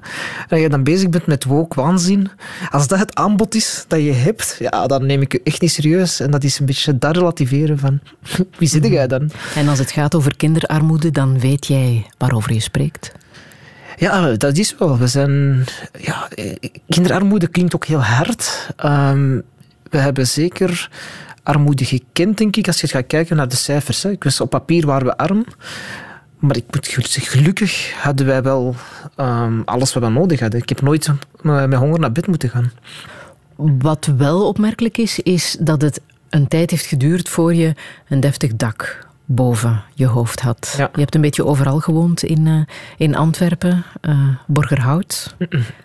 Waar heel veel Marokkanen uh, wonen. Je hebt op het Zuid gewoond, hè, tussen, ja. tussen de Turken, vertelde je net. En uiteindelijk op het Kiel ja. een huis gevonden, een sociale woning. Ja. Dat was belangrijk. Waarom? Omdat dat voor het eerst echt een kwalitatieve woning was. Um, daarvoor hebben we, dan, we hebben heel veel moeten verhuizen. Dus ik heb het begin van de uitzending gezegd, van, na de scheiding moest mijn moeder eigenlijk vanaf nul starten. En dan moest je elke keer opnieuw zoeken naar iets comfortabeler of zo. En uh, de woningmarkt toen, of ik weet niet hoe dat ja, nu waarschijnlijk ook. Maar als je een laag inkomen hebt, is het heel moeilijk om een kwalitatieve woning. Je moet uiteindelijk afdingen. Je moet keuzes maken. Het is, ja, je hebt misschien 200, 300 euro per maand dat je uh, kan betalen. Ja, dat kom je niet verder dan een kleine studio. Waar je, als je dan iets meer, mijn moeder werkte en kon aan sparen, is echt ongelooflijk wat hij heeft gedaan. Dan kon je naar een, naar een appartement met twee slaapkamers, waardoor wij uh, niet in dezelfde kamer moesten slapen als mijn moeder bijvoorbeeld. Uh, maar waar de douche niet werkte. Dat soort zaken. Of waar de verwarming soms niet werkte. Maar het is vanaf dat je sociale woning, ja, dan, dan krijg je... Um, je krijgt een kwalitatieve woning waar alles gewoon werkt. Als er iets uh, kapot gaat, dat er iemand dat komt maken. Um, dat er de verwarming gewoon werkt. En dat is gewoon, op dat moment was dat luxe. Er was gewoon ruimte ook. Ik had een eigen slaapkamer plots. Dat was alsof je king of the castle. dat was echt een ongelooflijk uh, goed gevoel dat we toen hadden.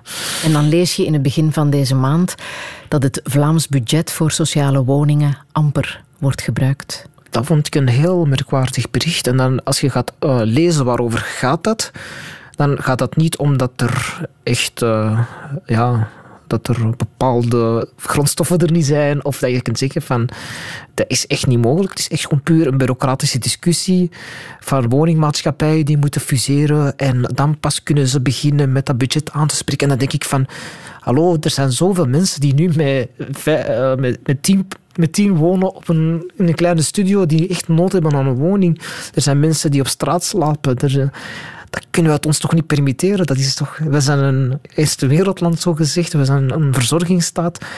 De, de staat waar sommige mensen in, in wonen en verkeren vandaag, ik, ken daar, ik sta daar nu veel verder af dan vroeger.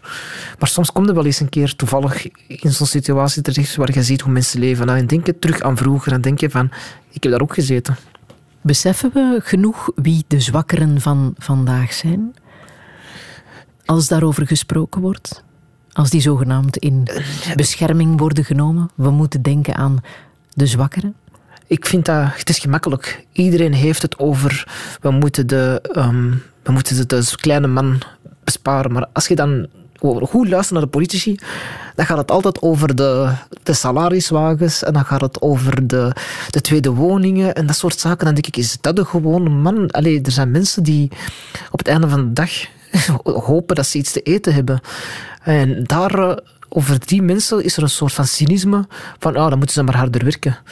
Maar ik ken mensen die dagcontracten krijgen, die niet fulltime geraken omdat ze een dag, uh, niet aan fulltime contracten geraken, omdat ze bijvoorbeeld een dag uh, misschien in plaats van 500 banden hebben weggestoken, 450 banden hebben weggestoken en dan twee of drie dagen niet mogen komen als straf.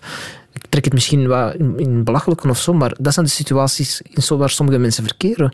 Mensen willen werken, maar de arbeidsmarkt is daar niet altijd even gepast voor. Of, de, wetgeving is daar niet altijd rond aangepast. Er zijn zoveel complexere problemen dan de mensen willen niet werken, daardoor zijn ze arm. En dat gevoel heb ik wel heel hard. Dat, eh, zeker ehm, eh, rechtse partijen zo het idee hebben van goh, als je arm bent, dan is het je eigen schuld. Ehm, je kunt er zelf eh, je hebt dat zelf in de hand. Dat is sowieso een, een factor. Je moet inderdaad ondernemend zijn. Je moet el- elke dag je bed uitkomen als je, ehm, als iets wilt maken van je leven. Ik, wil zeker niet oproepen om... Ja, geef iedereen eh, maar eh, een werkloosheidsuitkering en het is, het is oké. Maar heel veel mensen werken en zijn arm. En wij mijn moeder werkte en was arm. En zij moesten jobjes bij elkaar aan elkaar rijgen. Wij waren alleen thuis, ik en mijn zus. Ik moest de pataten schillen en eh, alles voorbereiden zodat zij thuis kwam, dat ze het dan kon opzetten enzovoort. Ik moest helpen in het huishouden, omdat ze het anders niet alleen rekte. Dat ik ben er ook enerzijds dankbaar voor dat ik die jeugd ook heb gehad, want ik ben wel zelfstandig. Ik ben, mijn vrouw is daar heel gelukkig omdat ik ook een bezem kan vasthouden en dat, ik, eh, dat het evident is dat ik ook in het huishouden help en dat soort zaken. Dus ik ben wel gewoon opgegroeid met dat idee van ik moet ook bijdragen aan het gezin. Maar... Ja, om anders naar de wereld te kijken. Ja, het ik heb echt gewoon een, een- andere leefwereld gekend dan... Als ik nu bijvoorbeeld kinderen zou krijgen, denk ik niet dat die de leefwereld zouden hebben als ik heb ge- gekend toen. En ik zeg het nogmaals, we waren arm op papier. Dus we waren inderdaad, als je de armoedegrens hebt, waarschijnlijk zaten we daar net onder of net boven of zo. Ehm, maar we hadden altijd eten. Ik had schoolspullen. Mijn moeder heeft geen enkel moment... ehm, al was haar gezondheid, ging haar gezondheid eronder, heeft ze altijd gezegd, school is op de eerste plaats. Dan Terwijl eh, dat, eh, ja, de hele kinderen dan zo van die goedkope rommel kregen van de krak, was dat vroeger zo'n winkeltje. En, en van gingen wij echt zo naar de winkel en dan kregen we echt volwaardige spullen. ehm, van de beste merken enzovoort. En dat ze dat heel belangrijk vond. Maar daarbuiten was geen geld voor vrije Ja, tijd. maar ik had voor... dat precies ook. Dat is heel raar, maar als ik erop terugkijk, heb ik geen enkel moment dat ik kan zeggen: op dat punt in mijn leven was ik ongelukkig. Dat is heel raar om te zeggen, maar ik heb me nooit ongelukkig gevoeld. Want we hebben bijvoorbeeld ook de bibliotheek. Je kon gewoon naar de bibliotheek gaan, zoveel boeken meenemen en dan las je die en dan kon je teruggaan. Je kon tekenen, je kon creatief bezig zijn. Ik had niet de televisie op de kamer met dan de Nintendo en ik weet niet wat er allemaal toen bestond. De echte hobby's had jij niet. De hobby's heb ik nooit gehad. Je Was deed aan tijdverdrijf. Dat was- inderdaad. dat was dat noemde ik eh, vroeger op school. Dat was eh, allee, de juf zei dan op de, na zo'n vakantie of zo, wat hebben jullie allemaal gedaan? En dan hoorde je, ja, ik ben eh, gaan skiën en ik ben dat gaan doen enzovoort. En dan was ik dan zo, ja, we hebben rondgehangen op het pleintje. ik heb gevoetbald, maar dat was eigenlijk, ja, dat was mijn jeugd. Maar ik ben daar dankbaar voor. Ik, bedoel, ik wil daar zeker geen zielig verhaal van maken van, ik heb iets gemist of zo. Ik heb wel liefde gehad van mijn moeder. En ik denk dat heel veel mensen dat niet hebben soms gehad. En dat ze dat hebben gemist. Die misschien alle rijkdom en alle luxe hebben gekregen, maar die niet die ouderlijke nabijheid hebben gehad. Ondanks dat ze heel veel moest werken en papier, papier gaan regelen, en ik weet niet wel allemaal. Toch was ze altijd nabij. En zij heeft... ehm, als je zo'n keuzes, als ze keuzes heeft moeten maken, voor zichzelf, ehm, kinderen en eh, ja, werk en al, al die zaken, heeft ze denk ik altijd gekozen voor zien dat er genoeg geld binnenkwam en dat alles in orde was. En mijn kinderen en zichzelf heeft ze altijd verwaarloosd. En nu heeft haar gezondheid daar ook, speelt daar heel hard parten nu, als je ziet. En ze heeft echt geleden. En nu komt het allemaal terug. En dan kijk je er wel zo van, ja, bedankt daarvoor of zo. Dat was echt... eh, heel, heel pijnlijk soms om te zien van ja, je hebt echt alles gegeven voor ons. En ik ben daar ook heel dankbaar voor. En hoe gaat het nu met je moeder? Ja, maar op zijn downs zegt ze dan ook altijd. Ze, zegt, eh, ze is heel sterk, echt ongelooflijk sterk. Ze zegt van ja, ja, het komt wel goed. Je ziet dat hij aan het afzien is en, en ik weet niet welke medicijnen moet nemen enzovoort. Om, ja, dat, zoveel jaren stress, dat heeft uiteindelijk wel impact op je leven. Maar toch is haar eerste bezorgdheid nog altijd ik. Zegt hij nog altijd, ehm, lukt alles bij u? Is alles in orde met u? En nog altijd, wat ze vroeger deed, zo eerst aan de kinderen denken, doet ze nog altijd. Dat is echt, echt heel mooi. ايه يا صباح وي وي الملا كيفاش الملا wat is er gebeurd? Het is altijd iets, Hassan. Het is altijd iets. Wat is er gebeurd dan? Wat zeg het dan? Wat is er dan gebeurd? Jongens, show. Het leven is niet eerlijk, Melaya. Kansen zijn er niet voor iedereen. Ewa ja, want alles wat we doen is een probleem. Ewa ja, dan doen we het maar lekker met de trerrie. Ewa ja, ewa ja. Het leven is niet eerlijk, ewa ja. Kansen zijn er niet voor iedereen. Ewa ja, want alles wat we doen is een probleem. Ewa ja, dan doen we het maar lekker met de. Hey, Salah, kijk, kijk wat ik heb meegemaakt. Ik was rustig in de buurt, met drerries in gesprek. Blauwe lichten die gaan aan, automatisch ben ik weg. Ook al heb ik niets gedaan, deze tijden heb ik pech. Ze laten mij niet chillen op mijn favoriete plek. Hey, ja, dat is nog niks. Kwam just aan, aan mijn fiets. En ik hoorde iets gepikt op de grond voordat ik het wist. Met mijn arm in de twist, het gebeurde in de fiets. Wallah, zei ik wist niks. Zet er zeker? Wallah niet. Hey, ja, dat is toch niets. Ik word stappend al geflitst. Maar ik weet niet wat het is, maar het is wat het is. Ik was rustig aan het stappen, maar die combi gaf mij klappen. Elke dag moet ik rennen en niemand wil dat snappen. Zeg, wat is dat met dit nou is hier nu tegenwoordig? Ze blijven jagen op ons alsof we niks zijn. Maar als er niemand er bougeren, dan komt er niks van. Dan blijven we maar de slaven van de grootste shaitan, yeah. Het leven is niet eerlijk, ja. Kansen zijn er niet voor iedereen, Ja. Want alles wat we doen is een probleem, ja. Dan doen we het maar lekker met de trerrie. Ewa, ja. Het leven is niet eerlijk, ja. Kansen zijn er niet voor iedereen, ja. Want alles wat we doen is een probleem, ja. Dan doen we het maar lekker met de trerrie, ja. Zacht weer drerrie, solliciteren. Oh, dat was een wonder. Een vast contract met een zotte pre. Zijn mij zonder zorgen. Ik zat rustig in de Raxa, stressen op mijn beurt. Met mijn master en een bachelor. Ik heb mijn studies zwaar gescheurd. Vijf minuten later, wee, stond ik aan de deur. Kiefisch. Heel ja, door mijn naam afgekeurd. Ik ging rustig naar mijn werk, maar ik mocht niet door de deur. Jantje vast contract, ik kom hier toch nooit aan de beurt. Ploegbaas is jaloers, want ik draag de duurste merk. Interim die mij niet belt, daarom zit ik zonder werk. Hey, wa ja, en mijn school.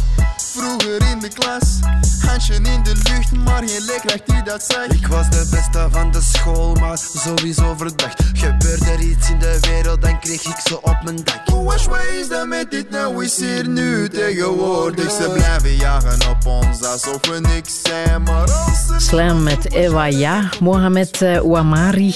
Ja, het is een bijzonder nummer en ook zeer herkenbaar misschien. Hè? Ja, ik vind het een fantastisch nummer. Het is eh, van SLM. Ehm Salahuddin en ehm Said, die eh, die nummer hebben gemaakt een paar jaar terug. En als je het, naar, als je het beluistert, de taal... Ja, je herkent daar bijna het Nederlands niet meer in.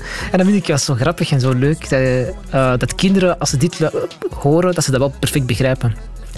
Maar wat er wordt gezongen, daarvan zou ik kunnen zeggen, dat heb jij ook meegemaakt in september 2015 tijdens een netwerkavond in het ING-gebouw aan de Oudaan in Antwerpen. Je begint al te lachen. Wat is daar precies gebeurd? Dat ze jou in het vizier kregen. Ja, dus ik zat daar in een eh, soort van auditorium en eh, het was eh, allerlei gastsprekers die konden vertellen over eh, allerlei ondernemersdingen. Eh, ik als jonge ondernemende student ben daar ook naartoe gegaan om dan te gaan netwerken. En eh, ja, ik, ik eh, tweet dan als Gerstens van, ehm, heeft er iemand goede netwerktips voor mij? Want ik moet hier zometeen gaan netwerken. Ehm, en dan heb ik een vervolgtweet gestuurd. Ja, ehm, een laat Allahu Akbar roepen is geen goede ijsbreker zeker. En dan zegt iemand, ja, laat eens, het probeert eens en laat weten hoe het ging. En ik antwoord daarop, ja, als ik dat doe, dan breekt hier een massahysterie uit die zoveel doden en, tot gewonden, eh, zoveel doden en gewonden tot gevolg gaat hebben. En dan steekt je je telefoon weg en vergeet je dat. En een half uur later eh, sta je met je gezicht eh, tegen de muur met je handboeien en eh Wacht, dus je hebt politiehonden. die tweet verstuurd, daar is wat reactie op gekomen. Jij zet je telefoon terug af, je luistert naar wat daar die avond allemaal aan het gebeuren is. Maar ondertussen valt daar een politieteam binnen. Als Ja. reactie op jou. Snel responsteam is dat dan. Eh, dat was toen ook nieuw in, in Antwerpen, die dan moest ingrijpen bij eventueel terroristische dreiging of andere grote gevaarlijke situaties. En die hadden dan, eh, zo, ja, er stonden dan twee mannen voor mij met twee grote wa- wapens op mij gericht, twee achter mij die me vasthielden, politiehonden die binnenkwamen en ik had geen idee wat er aan het gebeuren was. hè. Je legde niet de link met de tweet die je zo net had verstuurd? Nee, eerst wat ik dacht was van, ja, misschien... Ja, het was toen een hele periode rond Syrië-strijders en ik weet niet wat. Ik dacht van, word ik hier uh, met iemand in verband gebracht of zo? Of, of, ik weet niet wat. Wat misschien had gekund. Ja, je kent natuurlijk mensen die vertrokken zijn enzovoort. Uh, dus dat is op zich niet een heel rare gedachte, maar dacht dan, dit is dan wel heel disproportioneel, want ik heb in principe niks met die mensen te maken. En als je dat wel met je gezicht tegen de muur, en dan begin ik wel aan die tweet te denken, zou ik zeg van, zou het echt dat zijn? Dat kan toch niet? En dan begin ik zelfs bijna te lachen van, nee, dat gaat echt niet. En ik dacht zo van, oké, dat gaat hier uh, twee minuutjes duren en dan word ik wel losgelaten. Ja, mis, misverstand, oké. Maar dat was niet. En wat zeg je dan op zo'n moment als agenten jou vasthouden, tegen de muur drukken en hoe verweer je je dan? Wat heb je toen ja, gezegd? ik kan het niet verweren. Ik, ik, ik had oh, doodsangst eerst, in de eerste instantie. Ik weet nog dat die wapens op mij gericht uh, waren. En ik dacht eerst van, oh, hand omhoog, niet bewegen. En ja, ik werk mee. Het is dat ik dat echt heb gezegd. Omdat ik zo... Ik werk mee. Ik had echt angst op dat moment. Van, hier neergeschoten. Achteraf gezien... Um, blijkt dat die wapens eh, veredelde paintballgeweren zijn of zo. Maar dat zie je natuurlijk niet op het moment dat je zonder schot wordt gehouden. En ik herinner me dan dat ik word weggenomen in zo'n rij van zo'n, van zo'n uh, auditorium. Dat de mensen naar buiten aan het vluchten waren en zo in die chaos. Want dat heel ik, veel volk zat daarop te ja, kijken. ik denk toch wel 300 man of zo. Dat was best wel een groot evenement. En uh, ik herinner me gewoon de vernedering. Dat ik me echt vernederd voelde in de zin van... Uh, ik heb nooit zo'n grote ervaring gehad met politie of um, etnisch Dat was de eerste keer? Dat was echt mijn eerste keer. En ik was toen... Goh, 23 of zo, ik weet niet exact. Dus ik heb een heel lang leven gehad met uh, contact vermijden met de politie. En dan op dat moment word je dan zo aangepakt. En dan dacht ik van, oh, ik, ben, ik voelde me heel vuil of zo. Het was heel raar. Een heel raar gevoel. Heel je bent afgevoerd naar een politiecel. Ja. Daar heb je toch wel een paar uur gesleten. Ja, dat klopt. Je moest wachten. Je moet wachten, hè. Ja, totdat ze je komen halen. En, uh, maar ze, ze, praten niet tegen u. Hè. Dus je wordt gearresteerd, je wordt dan naar een politiekantoor uh, gebracht. Daar word je naakt uh, onderzocht en gefouilleerd en dat soort zaken. Je wordt in de cel gestopt. Het enige wat je, wat je weet is, ja, hier gaat iets gebeuren. Maar ik had gewoon vroeger vrienden die dan ook wel in aanraking waren gekomen met de politie. En die zeggen van als ze dan direct, als ze zeggen we komen direct, dan weet je dat dat een paar uur duurt vaak. Dat is niet, dat is niet direct. Dus ik heb dan ook gewoon bedacht van ik ga mij hier echt niet uh, zot maken. Ik heb mij neergelegd. Ik heb een dutje gedaan, het was nacht. Ik zeg ja, ik ga misschien hier nog een lange ondervraging moeten ondergaan voor ik weet niet wat ze me gaan vragen. En uh, ik herinner me dat nog heel goed. Ik lag op die grond en ik dacht echt heel een tijd van shit, mijn ouders en mijn vrouw, want ik hoe gaan die nu denken wat er met me aan het gebeuren is? Want ik wist ook niet wat de volgende stap was. Ik zeg van, ga ik hier verdwijnen voor twee weken in een gevangenis? Voor een soort van woononderzoek of zo? Dat was echt heel angstaanjagend, dat moment. En toen? Ja, dan komen ze je halen. Hè. Eh, de eerste keer om dan zo van die mugshots te maken, zo van die foto's uh, dan, uh, voor in een fotoboek. Ik vraag me af of ik dat kan opvragen. Ik ben echt benieuwd hoe ik het op die foto's. hoe je daarop staat. Ja, ik was pas wakker en zo. Ja. Maar wanneer, wanneer kwam het besef... Ja, dan word je meegenomen in zo'n combi. Hè? Ja, dan, dat, het, dan, dat het een grapje was. snelweg op en dan zag ik zo richting Borgerhout. En ik zeg, oké, okay, het kan nu twee kanten uitgaan. Ofwel gaan we naar Borgerhout en um, blijven in de stad, of we gaan richting Turnhout. En ik dacht, Turnhout is voor mij de gevangenis. like, ik weet, Turnhout zit er een gevangenis, dus ik dacht van en dan gingen we Burgerhout eruit en kwamen we bij de dienst terrorisme van de federale politie en dat soort zaken. Dat is zo'n gebouw. In, en daar kon je je verhaal doen met een advocaat. Ja, en dan kwamen die uh, mensen van de, van de politie die, uh, die daar uh, uit hun bed zijn ge, gehaald daarvoor. En die zeiden van, allee, de grappenmaker is er, moesten we hier voor ons bed uit. Allee, zo met een, allee, lachend wel. Dus dat was wel een ontspannen ja. sfeer, daar was ik wel blij om. Maar als jij daar nu zelf op terugkijkt, um, vind je dat je dat soort grapje toen kon maken? Ik Via denk dat Twitter? wel. Allee, ik, sta er nog, allee, ik sta er eigenlijk nog altijd achter. In de zin van, ik had het begrepen als ik het uh, een maand later had gedaan of zo. Toen waren de aanslagen in Parijs um, dit ge uh, toen gebeurd. Dus mijn tweet was gebeurd net voor Parijs. Dus uh, dat was toen een heel andere context. We hebben wel um, Charlie Hebdo gehad, maar dat was dan nog in het begin van het jaar de grote verontwaardiging daar rond was al ondertussen gaan liggen. En op zich, wat ik tweette, had eigenlijk bijna niks te maken met een aanslag. het idee was eerder van de angst die toen leefde in de samenleving voor moslims, over een woord, allee, over een terminologie, Allahu Akbar, die door vooral gekend is van uh, terreur en aanslagen. Iets dat wij, een woord dat wij bij wijze van spreken gebruiken als uh, godzijdank of... Uh, um, als je schrikt, Allahu Akbar, je zegt dat echt gewoon... Dat is een woord dat je zo vaak gebruikt. En dat, en dat was eigenlijk mijn, mijn boodschap van... We zijn nu, hebben nu zoveel schrik gekregen van dat soort woorden, dat als ik dat hier zou zeggen, dat hier een massahysterie uitbreekt. En wat gebeurt er dan? Tien, een kwartier of twintig minuten of ik weet niet. Een massahysterie breekt uit. En dat was eigenlijk een beetje de illustratie, een pijnlijke illustratie van mijn tweet op dat moment. Dus daar is veel meer over nagedacht dan uh, dat mensen denken. Mensen denken van, oh ja, uh, denk dan eens na. Maar op zich, dat is, daar zat een, het was heel scherp gesteld. Het was zeker niet um, vrijblijvend.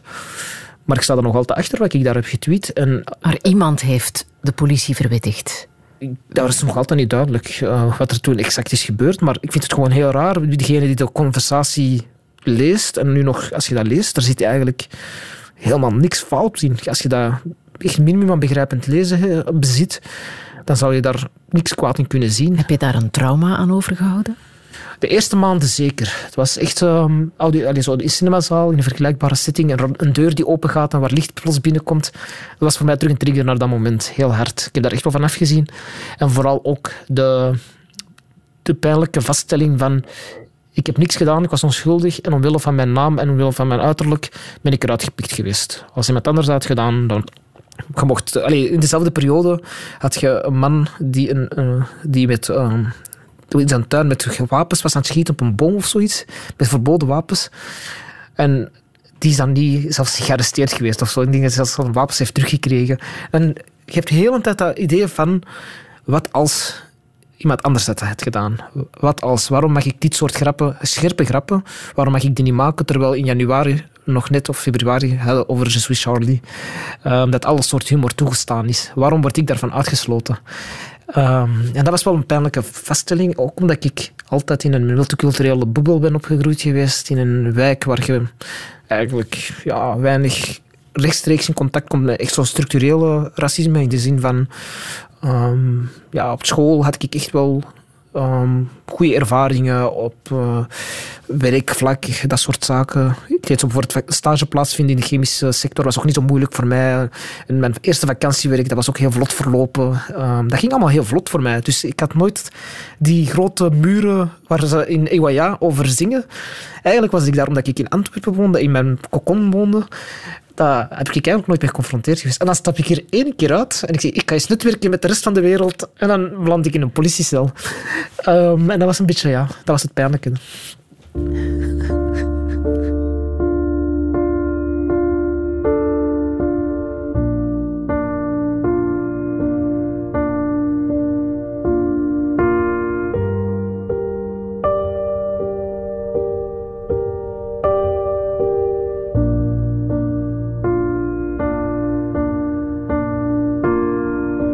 Al een half leven geleden. Wat ga je toch zo snel? Al die souvenirs die we delen. Want gliepen niet meer met elke tel. Zo gaat de tijd naar eenmaal. Ik zou het anders willen zien. We begrijpen elkaar.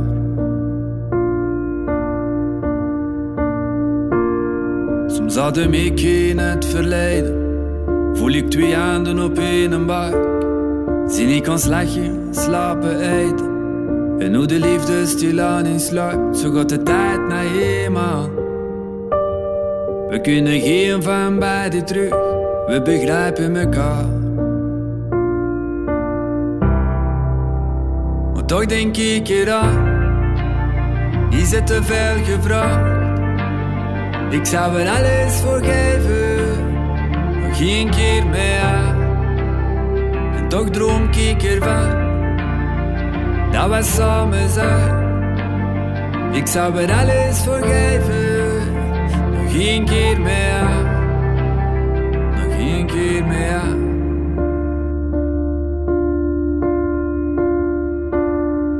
Maar zo gaat het in het leven, een wending die je niet verziet. Hoeveel gevoel afgegeven Voor iets meer kwetsbaar en fragiel, zo gaat die strijd naar eenmaal.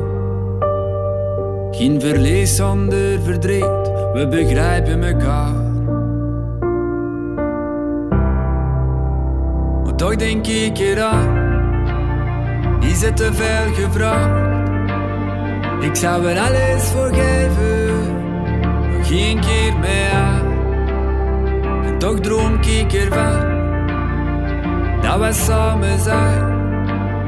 Ik zou er alles voor geven, nog geen keer meer. En ik zou liggen actie, dat ik nooit achterom kijk. En ook al blijf ik aan daar zitten, nog iets van u in. Maar we begrijpen mekaar. We begrijpen mekaar. Tourist MC en we begrijpen elkaar. Mohamed Ouamari. Is het waar? Begrijpen we elkaar? Als we wat vaker eh, elkaar ontmoeten, begrijpen we elkaar. Dat is echt... ehm, als je zo op internet comments zou afgaan, lijkt het alsof we verleerd zijn om met elkaar in gesprek te gaan. En dat kan sowieso, als ik iets schrijf of eh, iets tweet of zo, dan krijg je daar heel vaak bagger over. Ehm, maar niet op, op hetzelfde niveau. Soms heb je het gevoel, als het vanuit eh, progressieve kringen gaat en alle eh, emancipatiebewegingen daar rond, dat het soms ook heel heftig wordt. Van je mag dit niet meer, je mag dat niet meer, je moet daarmee oppassen enzovoort. En het wordt zo heel heftig in de publieke arena, die nu veel groter is geworden. Ehm, iedereen doet mee, iedereen strijdt mee. Maar als je dat, stel je voor je al die mensen bij elkaar brengt en je dwingt hen tot een gesprek, dan ga je zien dat dat plots echt veel vlotter gaat dan gedacht. Na de aanslagen van 22 maart is dat wat jij hebt voorgesteld hè, met de hashtag samen eten. Heb jij en je vrouw eh, mensen uitgenodigd om bij jullie te komen eten? Misschien moeten we dat wat vaker doen? Ja, maar dat is, dat is altijd zo. Eh, vaak wordt er heel denigrerend over gedaan. Van ah, als we gewoon meer met elkaar praten en samenkomen, dat is zo wollig, dat is geen echte oplossing. Maar sorry, dat is nu eenmaal wat samenleven is. Als je wilt samenleven zonder te samenleven, dan gaat het niet marcheren. Dus je moet inderdaad eens af en toe me- mensen ontmoeten die je anders niet zou ontmoeten. Wij hebben toen, toen ik er juist zei over het vrijwilligersleven dat ik in zat en dat ik heel veel moeite deed. We zijn ook naar een uh, bejaardentehuis gegaan om eh, met, ehm, met, met senioren te gaan zitten en te praten. Vier, vijf keer. Ehm, echt zo, en die hebben ons leren breien, wij hebben hun Marokkaanse hapjes leren maken enzovoort. En de eerste keer is onwennig en de vijfde keer zijn dat de zijn je vrienden voor de rest van je leven. En dat is nu denk ik door het digitale, ehm, dat je nu, ja, de arena is. Iedereen heeft een mening en, en mag die mening ook uiten. Ik ben er ook een groot voorstander van. Ehm, maar dan vergeten we vaak om dat in het echt, die contacten terug op te zoeken. Je ziet dat, het is veel moeilijker om nu mensen te zien. Het is eh, heel druk, druk, druk overal. Ik maak me er zelf ook heel schuldig over. Ik ben zeker geen heilige. Maar dat is natuurlijk wel, eh, die contacten zijn minder duurzaam eh, online dan niet echt. En zo bekijk ik ook. Ik bedoel, ik ben ook heel scherp in mijn columns, op Twitter en op alle verschillende plekken. Maar ik ben me wel van bewust dat, ehm, dat je dan een rol speelt. We zijn eigenlijk allemaal mini-politici geworden die allemaal hun eigen standpunt proberen te verko- verkondigen en te verdedigen. Maar eenmaal dat je er buiten treedt, buiten dat debat, ben je terug gewoon een mens, gelijk een ander. En dan moet je gewoon door die verschillen kunnen heen kijken. En kunnen luisteren naar mensen. En gewoon kunnen aanvaarden dat sommige mensen niet mee zijn met sommige zaken.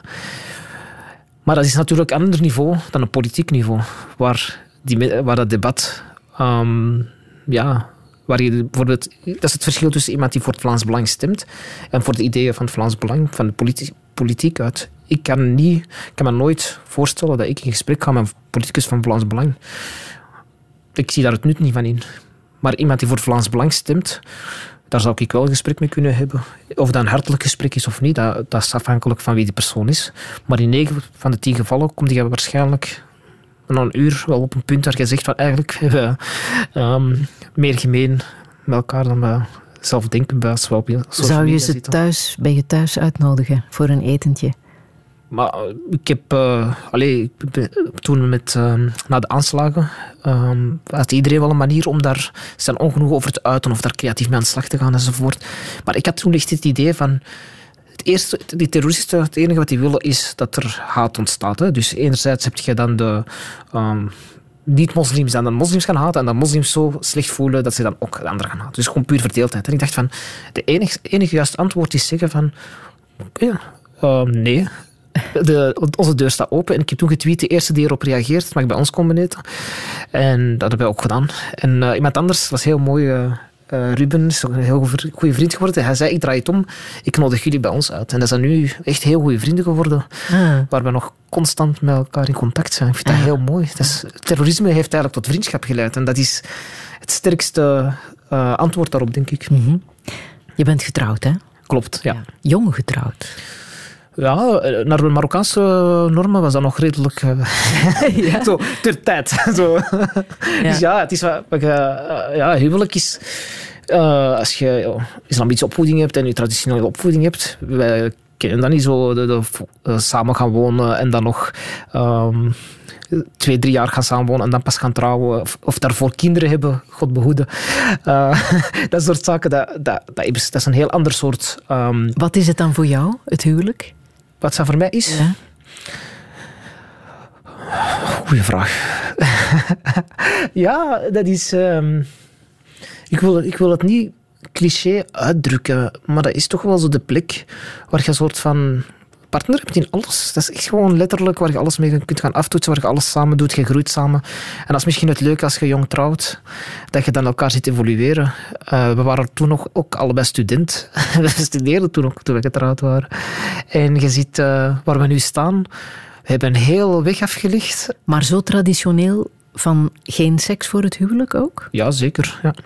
Ja, zeker, zeg je. Ja, allee, ik bedoel, dat is misschien tegenwoordig zo heel oudbollig en, en dat klinkt zo... ehm, Was je dan niet nieuwsgierig of dat aspect wel goed ging lukken? Lijkt mij heel erg belangrijk in een relatie. ja, ik had zo'n beetje van, we zullen wel zien hoe we het ervan van afmaken. En uiteindelijk, iedereen heeft een eerste keer. hè. Dus eh, dat is wel anders. Of dat nu voor of na het huwelijk is. Grote verantwoordelijkheid. Ja.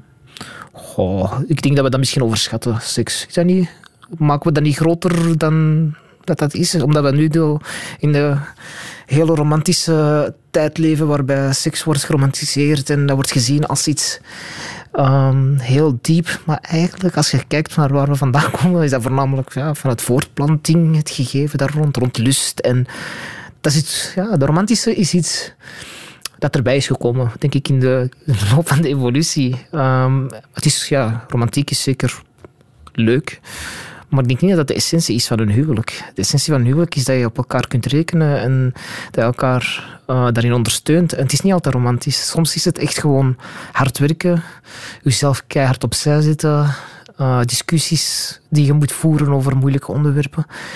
Eh, ehm, Wat zijn bij jullie de moeilijke onderwerpen? Oh, ik kan daar nu niet direct eh, een vinger eh, op leggen, eerlijk gezegd. Want we, hebben, we komen eigenlijk heel goed overeen. Is- dat is wel- Er zijn geen moeilijke onderwerpen. Jawel, er zijn moeilijke onderwerpen, maar wij, wij, wij babbelen dan met elkaar en we, vinden elkaar snel... We zitten snel op dezelfde golflengte. We zo snel... Oké, we zijn het eens. Zo van, oh ja, we Jouw, elkaar. jouw vrouw draagt de hoofddoek, hè? Ja, klopt. Ja. Waarom? Dat is eh, ja, religieus. Eh, Omdat dat religieus iets is. En was ze ook, ja... Ik denk dat dat vraag is die je eerder, aan haar moet stellen. Ik kan daar misschien moeilijker op antwoorden. Maar ja, als je religieus bent, dan heb je bepaalde uitingen van religie. En zij vindt dat belangrijk dat ze dat... ehm, dat ze Vind dat- jij het belangrijk? ik zelf ik dat belangrijk vind. Ik vind religie ook iets belangrijk. Ik vind bijvoorbeeld, ik draag, ik draag ook een baard. Dat is ook iets dat ik eh, vanuit religie heb. Ja? Dat, toevallig staat me dat goed. dus, eh, ja, anders zou ik hier ook zo tien jaar eh, jonger zijn. Maar er zijn bepaalde zaken, die, als je religie praktiseert, dat je dan ook gewoon doet, omdat je daar doet uit omwille van aanbieding van God. En zolang dat, dat niet gebeurt, omwille van... Ja, ik zou haar nooit dwingen om het eh, op te zetten of eh, te zeggen van ja, of zo, zelfs zo drukken van van die subtiele druk. Dus ik zou dat nooit doen. Maar als je kijkt in haar gezin, ze heeft eh, vijf zussen. En daar zitten mensen bij, allee, zitten zussen bij met hoofddoek en zonder hoofddoek. Dus het is niet dat dat vanuit dat dat gepusht is geweest, maar dat zijn gewoon keuzes die je maakt van hoe wil ik mijn religie invullen en praktiseren. En natuurlijk, ik vind ehm, dat, dat die religie praktiseren ook belangrijk. En dan vind je daar ook elkaar in. Als je trouwt en je hebt bepaalde zaken waarin je overeenkomt en dat je bepaalde zaken belangrijk vindt, zij vindt dat ook belangrijk. Dat is een vorm ook van traditie. Ze zegt van ook van... ehm, het is zo heel jammer dat je tegenwoordig de druk voelt om het uit te zetten. Die druk is even erg als de druk om het te moeten aandoen. En dat is soms een heel moeilijk eh, evenwicht. eh, van, je wordt eigenlijk als vrouw constant onder druk gezet langs twee kanten. En dat je dan op de duur zelf begint te betwijfelen van wat wil ik nu echt? En dat is iets dat ik mezelf...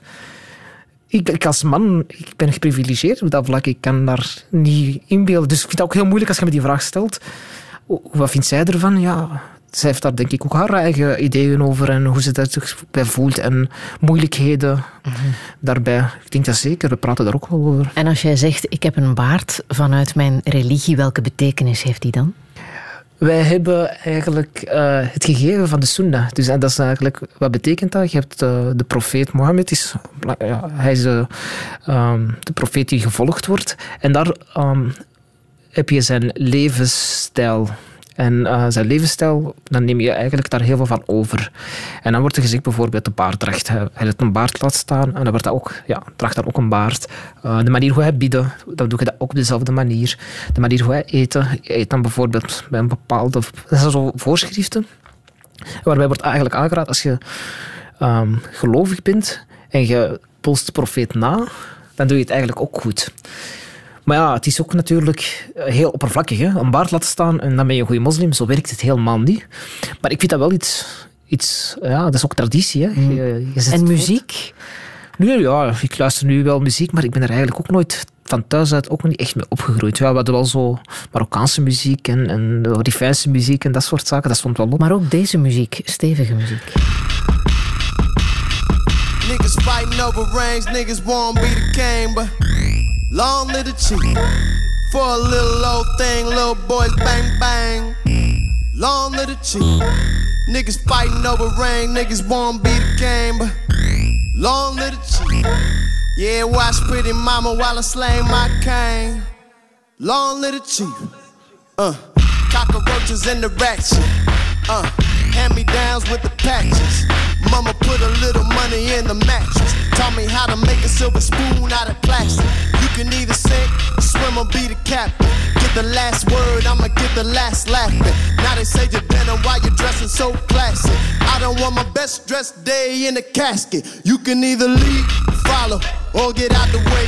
Make a fucking move, it will make my fucking day. Got a hundred year plan, you just think about the day. Always been about time, more than been about pay. Y'all up with me. Usain couldn't run with me. Chief come to find you, you don't come for me.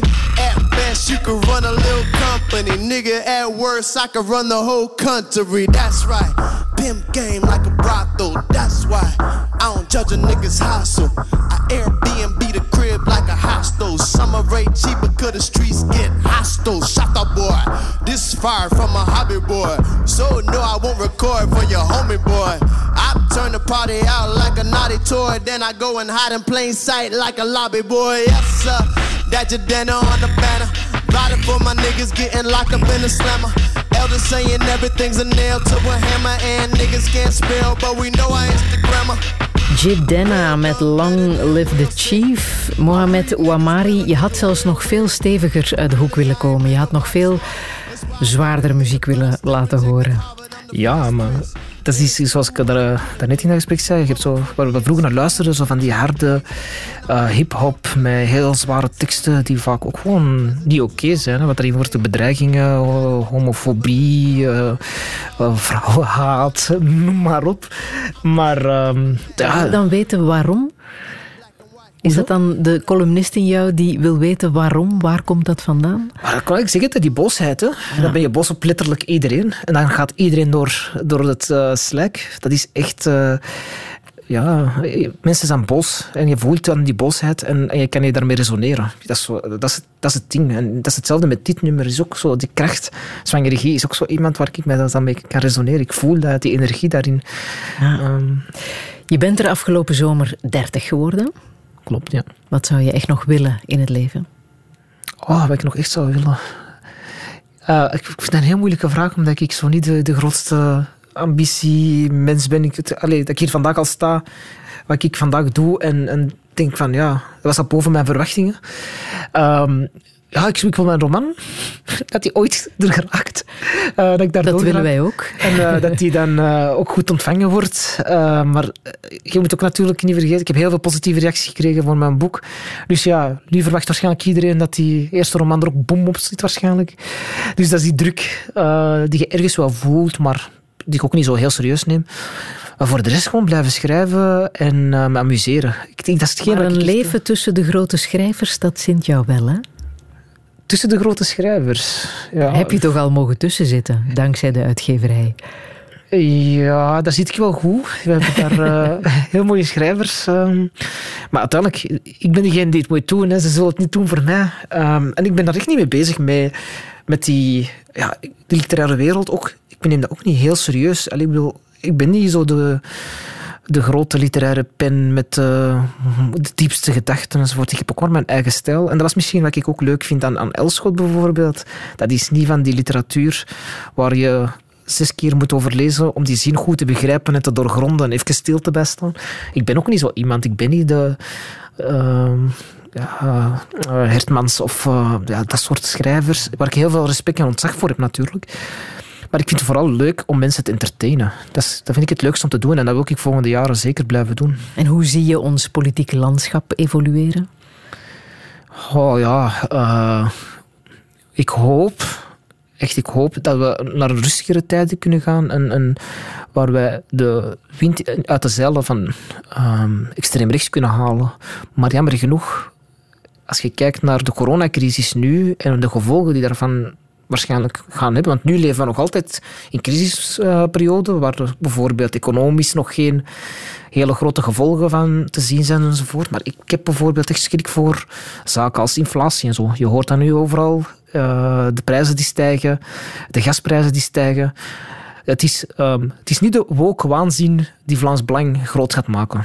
Dat is wat we altijd horen. Van, als je daarover bezig bent, dat is allemaal gerommel in de marge. Dan, dat is, denk ik, dat maakt mensen wat boos, maar dat is niet dat mensen uiteindelijk ehm, de, de eh, reguliere politiek terug gaan terugkeren. Het zijn de gasfacturen. Het zijn de, eh, de woningen, de, woningcrisis. Als je kijkt in Nederland is het al heel erg en het begint hier ook al, uh, voor het in Antwerpen iets betaalbaar vinden, begint ook al heel moeilijk te worden. Dat gaat mensen afkeren van politiek. En dan heb je mensen die dan naar Vlaams Belang stemmen, maar ook gewoon heel veel mensen die niet stemmen. We hebben een gigantisch aantal mensen die niet gaan naar de stembus trekken. En met de lokale verkiezingen hebben ze ook de opkomstplicht afgeschaft. Dus daar ben ik ook wel een beetje mijn hart voor aan het vasthouden. Van, ja, vaak zijn degenen die, uh, de eerste die niet gaan stemmen, zijn degenen die vaak het meeste nodig hebben. Welke boodschap wil je nog meegeven tot slot? Oh, welke boodschap? Uh, oei, ja. Ik heb daar eigenlijk... Um, doe, allez, misschien moet ik teruggaan naar wat ik in begin... Doe je best. Allez, ik denk dat iedereen gewoon zijn best moet doen.